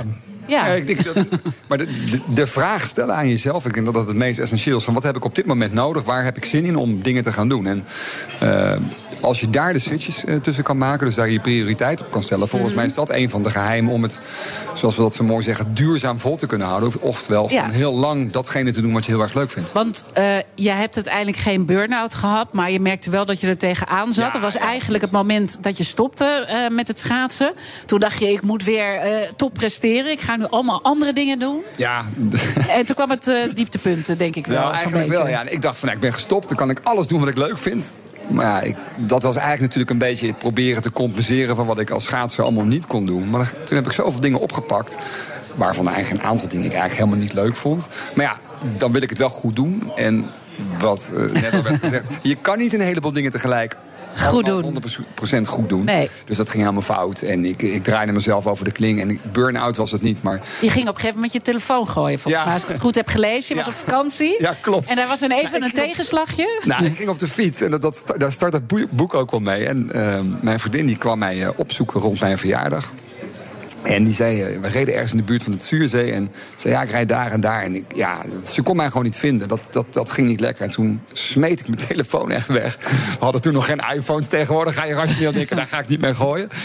Ehm, maar dat je echt denkt van, ja, doe even normaal. En dat is, nou, daar, mijn vriendin heeft dat eerste stuk ook gelezen. Echt, nou, ik hoop niet dat het hele boek zo is. Nee, maar het is wel het leuk. punt waar jij tot het inzicht Ja, ja. kwam van... ik val eigenlijk in herhaling. En ik maak eigenlijk Ja. dezelfde fouten... die ik dus Exact. ook als topschaatser eh, heb gemaakt. Ja, zeker weten. En dat heeft. ehm, Ja, nog wat, steeds- wa- wat waren die fouten dan? ehm, te veel op één ding richten en daar alles voor doen. En dan dus de andere dingen vergeten. En denken dat je er heel erg ehm, goed aan doet om alleen maar met één ding bezig te zijn. Maar dat, je, dat ik eigenlijk gewoon vergeet dat je dus af en toe ook gewoon moet opladen. Ook op het, zoals ik, ik heb het in mijn boek over vier batterijen. spiritueel. Maar ik vind het zo grappig. Jij noemt het opladen. Hè? Maar toen de redactie mij hierover belde, toen zei ik... ja, maar ik vind ontladen veel belangrijker dan opladen. Die, kan ik, die, die kop ik zo in. Mag dat? Ja, graag. Ehm, over vier batterijen van ehm, spiritueel, mentaal, emotioneel en fysiek. Die Hey, zal je Spiritueel, daar is hij weer. ja, daar is hij weer. Heel belangrijk. hebben het mee- Ik weet niet of je het mee hebt gekregen, de uitzending... maar we hebben een paar keer met eh, Richard over spiritualiteit gesproken. Ja, en het is voor mij drive of zingeving van wat geeft eraan. En wat je ziet is dat heel veel mensen energie uitgeven, maar onvoldoende energie terughalen, dus opladen. Maar dat opladen, dat zit hem vooral in het ontladen voor jou, unwinding, wat je zo mooi zou kunnen zeggen, maar gewoon eigenlijk het herstellen, het Mhm. ontspannen, gewoon even relax zeggen van joh, ehm, ik ga Ja, straks even niet doen. met het ene ding eh en heel dat- dat- gepreoccupeerd bezig zijn. Exact, en dat kan eh, voor de ene is dat inderdaad een boek gaan lezen, voor de ander is het lekker eh, door de stad heen wandelen, langs boekhandels struinen of zo, voor de ander gaat op het terras. Dat doe jij volgens mij, hè, om je boek ook te slijten, of niet? ik, ik ben wel een goede verkoop, maar ik, ik ben met dit boek wel zo van. Ik vind vooral mensen, als ze het leuk vinden, moeten ze hem kopen. En ik zeg soms, als mensen echt helemaal niks vinden, moet je hem terugkomen, dan krijg je geld terug. Ehm, maar je moet het dus variëren. En het allerleukste is, we hebben het vaak al, je praat over, over, je moet in balans zijn. Maar in balans zijn is niet zo moeilijk, maar in balans blijven is des te lastiger. En als ik puur naar mezelf kijk, de ene keer heb ik ook zin om gewoon lekker te gaan sporten. De andere keer denk je, ik heb helemaal zin in niks. En dan eh, gaan we Ja. een serietje kijken. En de andere keer denk van, joh, ik ga even bij de buren langs. Maar denk jij dat je, ehm hè, want ik bedoel, het is indrukwekkend de prestaties die jij hebt geleverd als eh, topschaatser. Maar denk jij dat je meer had kunnen presteren als je dit al toen begrepen had? Ja, ja, daar ben, Oh ik- ja? ja? daar ben ik echt van overtuigd. En ik heb, ehm, sommige mensen vragen eens, heb ik dan spijt? Maar ik heb geen spijt, omdat ik heel bewust keuzes heb gemaakt. Alleen achteraf zeg ik, ik heb de verkeerde keuzes gemaakt. En dat, nou, daar wil ik eigenlijk, nou, voor groot is misschien wel de reden dat ik dat boek heb gemaakt. Is, want daar wil ik mensen voor behoeden. Dat ze niet in diezelfde valkuil lopen. Door maar gewoon te blijven gaan en ja, al hun batterijen leeg. En tegelijkertijd denk ik, je hebt natuurlijk eh, in die tijd heb je een heel topteam om je heen gehad. Die, eh, daar, daar zijn wij altijd jaloers op. Die topsporters. Ik bedoel, is iemand die over voeding eh, adviseert. En iemand over je mentale belasting. Ja. Dus is het je niet allemaal verteld? Toen? Nou, dat, ik, ik vind dat dat dus echt een lacune is eh, in, in de begeleiding van sporters. Het is leuk van dat je kan naar een eh, trainingsprogramma kijken. En dan kan je zelfs naar je mentaal of naar de waardes kijken. Op fietsen en zo tegenwoordig. Alles wat wordt gemeten. Maar op het moment dat jij eh, chagrijnig wakker wordt omdat er, weet ik veel wat, je kat is ziek, ik noem maar iets. Dan kan je nog zo, zoveel vermogen op je fiets trappen. Maar dan gaat het er waarschijnlijk niet uitkomen. Omdat je met je aandacht even bij je kat bent. En het Ja. is misschien een heel kinderachtig voorbeeld. Maar dat, zo zit het leven in elkaar. En ik denk dat dat in de sport. ehm Louis van Gaal heeft het natuurlijk over de totale mens. Dat is dit. Ehm, ik heb alleen maar op die sporten gelet. En je zal ook naar andere elementen eromheen moeten kijken. Daarom, ik denk, het, het, het goed functioneren van teams... Dat, dat er een goede sfeer hangt. Ja, dat draagt er ook aan bij dat mensen beter gaan, eh, gaan presteren. Als je, als je een aantal randvoorwaarden goed hebt... dan, ja, dan kan je het maximale eruit halen. Maar, kan maar dit gebeuren... Of je bent uit balans. En dan Dus op werk zijn we ook met elkaar, ook in de zakelijke wereld. eh, Want je geeft natuurlijk op heel veel congressen ook eh, lezingen. Hè? Dus dan kom je die zakelijke wereld ook tegen. Zijn we te veel bezig met alleen maar presteren, presteren, pompen, pompen. En niet met eh, ontladen, aandacht geven. Dat denk ik wel, ja. Ik denk dat het probleem er niet in zit dat we met z'n allen te veel energie uitgeven. Maar dat je dus inderdaad onvoldoende je energie terughaalt. Wat denk jij, Richard? Nou ja, ik denk dat het wel heel erg afhangt. Eh, Weet je, ik, ik zag toevallig van de week op LinkedIn een visitekaartje van een Amerikaanse advocaat. Eh, actual aggressive representation. En toen dacht ik, mijn god, als je op die manier eh, jezelf neerzet... dat kan, hè, maar dat hou je een x-aantal jaren vol, kort, denk ik... om, om dat echt in iedere zaak zo te doen... Uh, dus de, de lol is natuurlijk ook om te kunnen pieken op het juiste moment. En een topsporter die weet wanneer hij dat uh, moet doen. Hè, bijvoorbeeld bij de Olympische Spelen. In mijn vak is het iets beroerder. Want ik zeg wel eens tegen jonge mensen die ik opleid... ja, ik doe iedere dag vaak meerdere keren examen. Iedere zitting is voor mij een examen. En uh, ja, soms, soms haal ik het niet. en, en dat kan frustrerend zijn. En, en dan komt die ontlading weer om de hoek kijken. Mm -hmm. Uh, daarom, weet je, als ik te lang alleen maar de advocaat uithang, dan ga ik de telefoon ook als volgt opnemen. Ja. Ja. Dat, dat, iedereen denkt, oh god, die had ik niet Het is weer zover. Ja. Uh, en ja. zodra ik dat bij mezelf bespeur, dan ga ik andere dingen doen. Dan ben ik eens een keer de middag hier. Of ik, ik, ik, ik geef eens een keertje les. Uh, of ik maak eens een boek. Dus je zoekt heel duidelijk andere toneelstuk. dingen Ja, ja, bewust. Zeer doelbewust. Omdat je het dan duurzaam volhoudt. Om maar eens een leuk woord eruit te gooien. Dankjewel weer, ja. maar maar zo, zo werkt het wel. En dan kun je dat doen. Maar je zult steeds moeten scannen. Uh, en uh, hoef er geen geheim van te maken. Ik heb op enig moment uh, mijn, mijn fysiek nogal verwaarloosd. Dus ik, dat ben ik nu aan het inhalen. ik denk, ja, het lijf ja, want je zei net, je, ja. je, bent echt serieus aan het sporten. Ja. je kijkt liever niet naar sport, maar je doet het. Ja. Uh, ik, ja, ik, je zei al een beetje wat je deed, hè? Maar dat is ontladen, weet je. Uh, als ik op een, op een uh, spinfiets zit en ik knal YouTube Music aan met mijn favoriete playlist... nou, the world is mine, hè, zullen we maar zeggen. Maar is het dan ontladen of ook stiekem wel opladen op een andere batterij? Nou, daarom vind ik het ontladen zo belangrijk. Volgens mij kun je niet opladen zonder eerst te ontladen. Volgens mij kan dat niet. een batterij die helemaal leeg getrokken is... De, ja, die, die is leeggetrokken, die is ja. niet ontladen. Dat is, dat is een subtiel verschil. Uh, dat, ik denk als je dat vergelijk maakt met mensen die richting burn-out gaan. Ja. Daar heb je wel wat te fixen voordat die batterij het weer gaat doen. Dus dat ja, klopt zeker, en, zeker. Die, en die zijn dus te ver doorgetrokken. Die zijn te ver doorgetrokken en die hebben niet zelf dat ontladingsproces in eigen hand uh, gehouden. En nee. uh, bedoel, in mijn vak branden ook heel veel mensen op, zeker jonge mensen die, ja, die ja. helemaal de pleuris werken en dan ja. na een paar jaar apathisch thuis zitten. Ja, dat is toch ook je, je grenzen bewaken. Maar weet je. Hoe heb je dat voor jezelf hoe, jij checkt van ja, als ik ja opneem met de telefoon, is ja. dat voor jou een signaal van hé, hey, nu moet ik oppassen. Maar dat is een, een, nou, een hoge mate van zelfreflectie. Hoe heb je uh -huh. dat geleerd?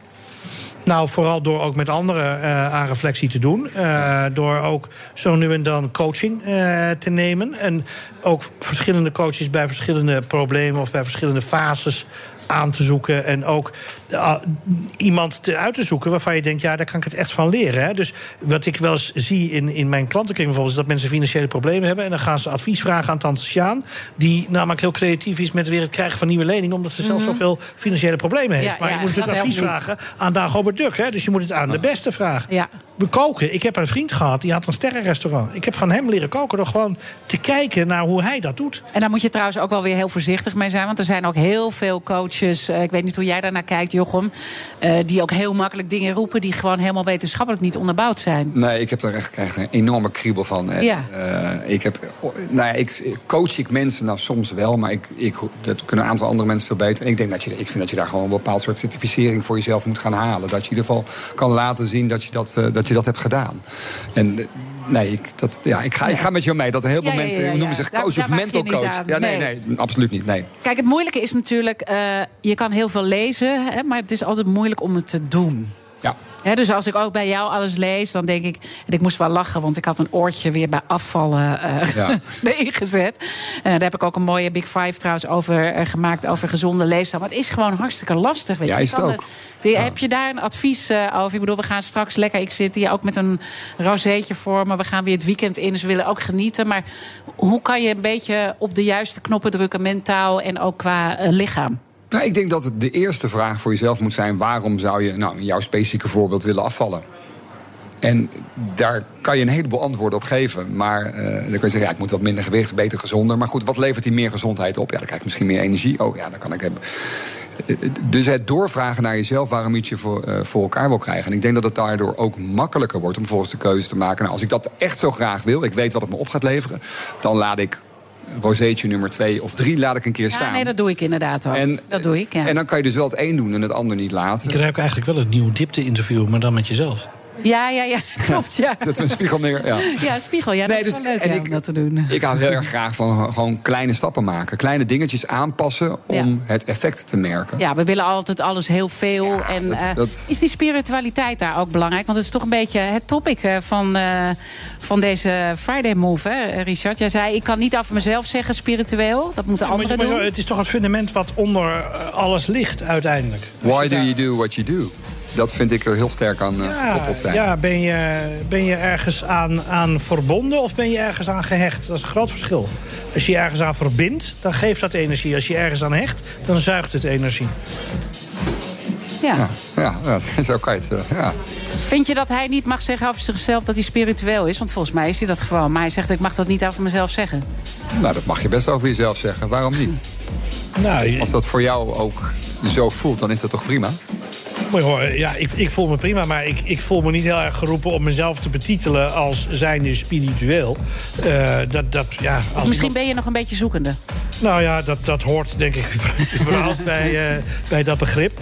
Eh, maar weet je, het, het kan heel snel zoiets krijgen van... oh, ik voel me beter of anders dan de rest. En dat heb ik niet. Nee, dat, nee dat, maar op dit, dat niveau van spiritualiteit zit ik ook niet. En ik vond het wel mooi. Een van mijn oud-ploeggenoten, Emiel de Jager, zei ooit van... Jochem, je moet eens eens een keer stoppen met zoeken. Je moet gaan vinden. Ja.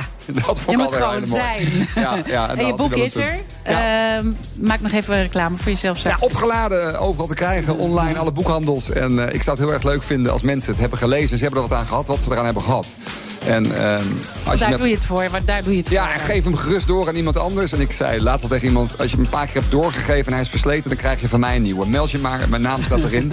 Mijn mailadres. Dus eh, ik wil gewoon mensen helpen, dat vind ik leuk. Hartstikke mooi. Dankjewel Jochem Uithagen. En ook eh, dankjewel Richard Korver. Je was mijn co-host vandaag. Vond je het een beetje leuk? Heerlijk. Leuke afsluiter van de week. Ja, komt, komt deze bij je uh, hoogtepunten van vandaag? Nou, of heb, ik- heb ik dat niet gehaald? Eerlijk gezegd, eh, eh, komt hij bij de ontlading? Bij de ontlading. Goed zo. Mooi. Dan wens ik jou een heel eh, mooi weekend. En eh, natuurlijk ook eh, naar onze luisteraar. Volgende week dan is de Friday Move er weer. Eh, dan is Wilfred nog steeds eh, aan het genieten van de zon. En dan zal mijn collega Paul van Liemt presenteren. Ik ga er ook eventjes eh, tussenuit. Even vakantie. Even genieten. En eh, jullie zien mij natuurlijk sowieso weer terug bij mijn eigen programma. The Big Five. Dit was de Friday Move vanuit het Doubletree by Hilton Hotel in Amsterdam. We gaan er natuurlijk weer uit met de nieuwsbeat van DJ Desmond. De Friday Move wordt mede mogelijk gemaakt door Europarks en TUI. Live happy. Een berichtje van Odido Business. Hoe groot je bedrijf ook is of wordt, bij Odido Business zijn we er voor je. Met unlimited data en bellen en met supersnel en stabiel zakelijk internet. Ook via glasvezel. Ontdek wat er allemaal kan op odido.nl/slash business. Het kan ook zo.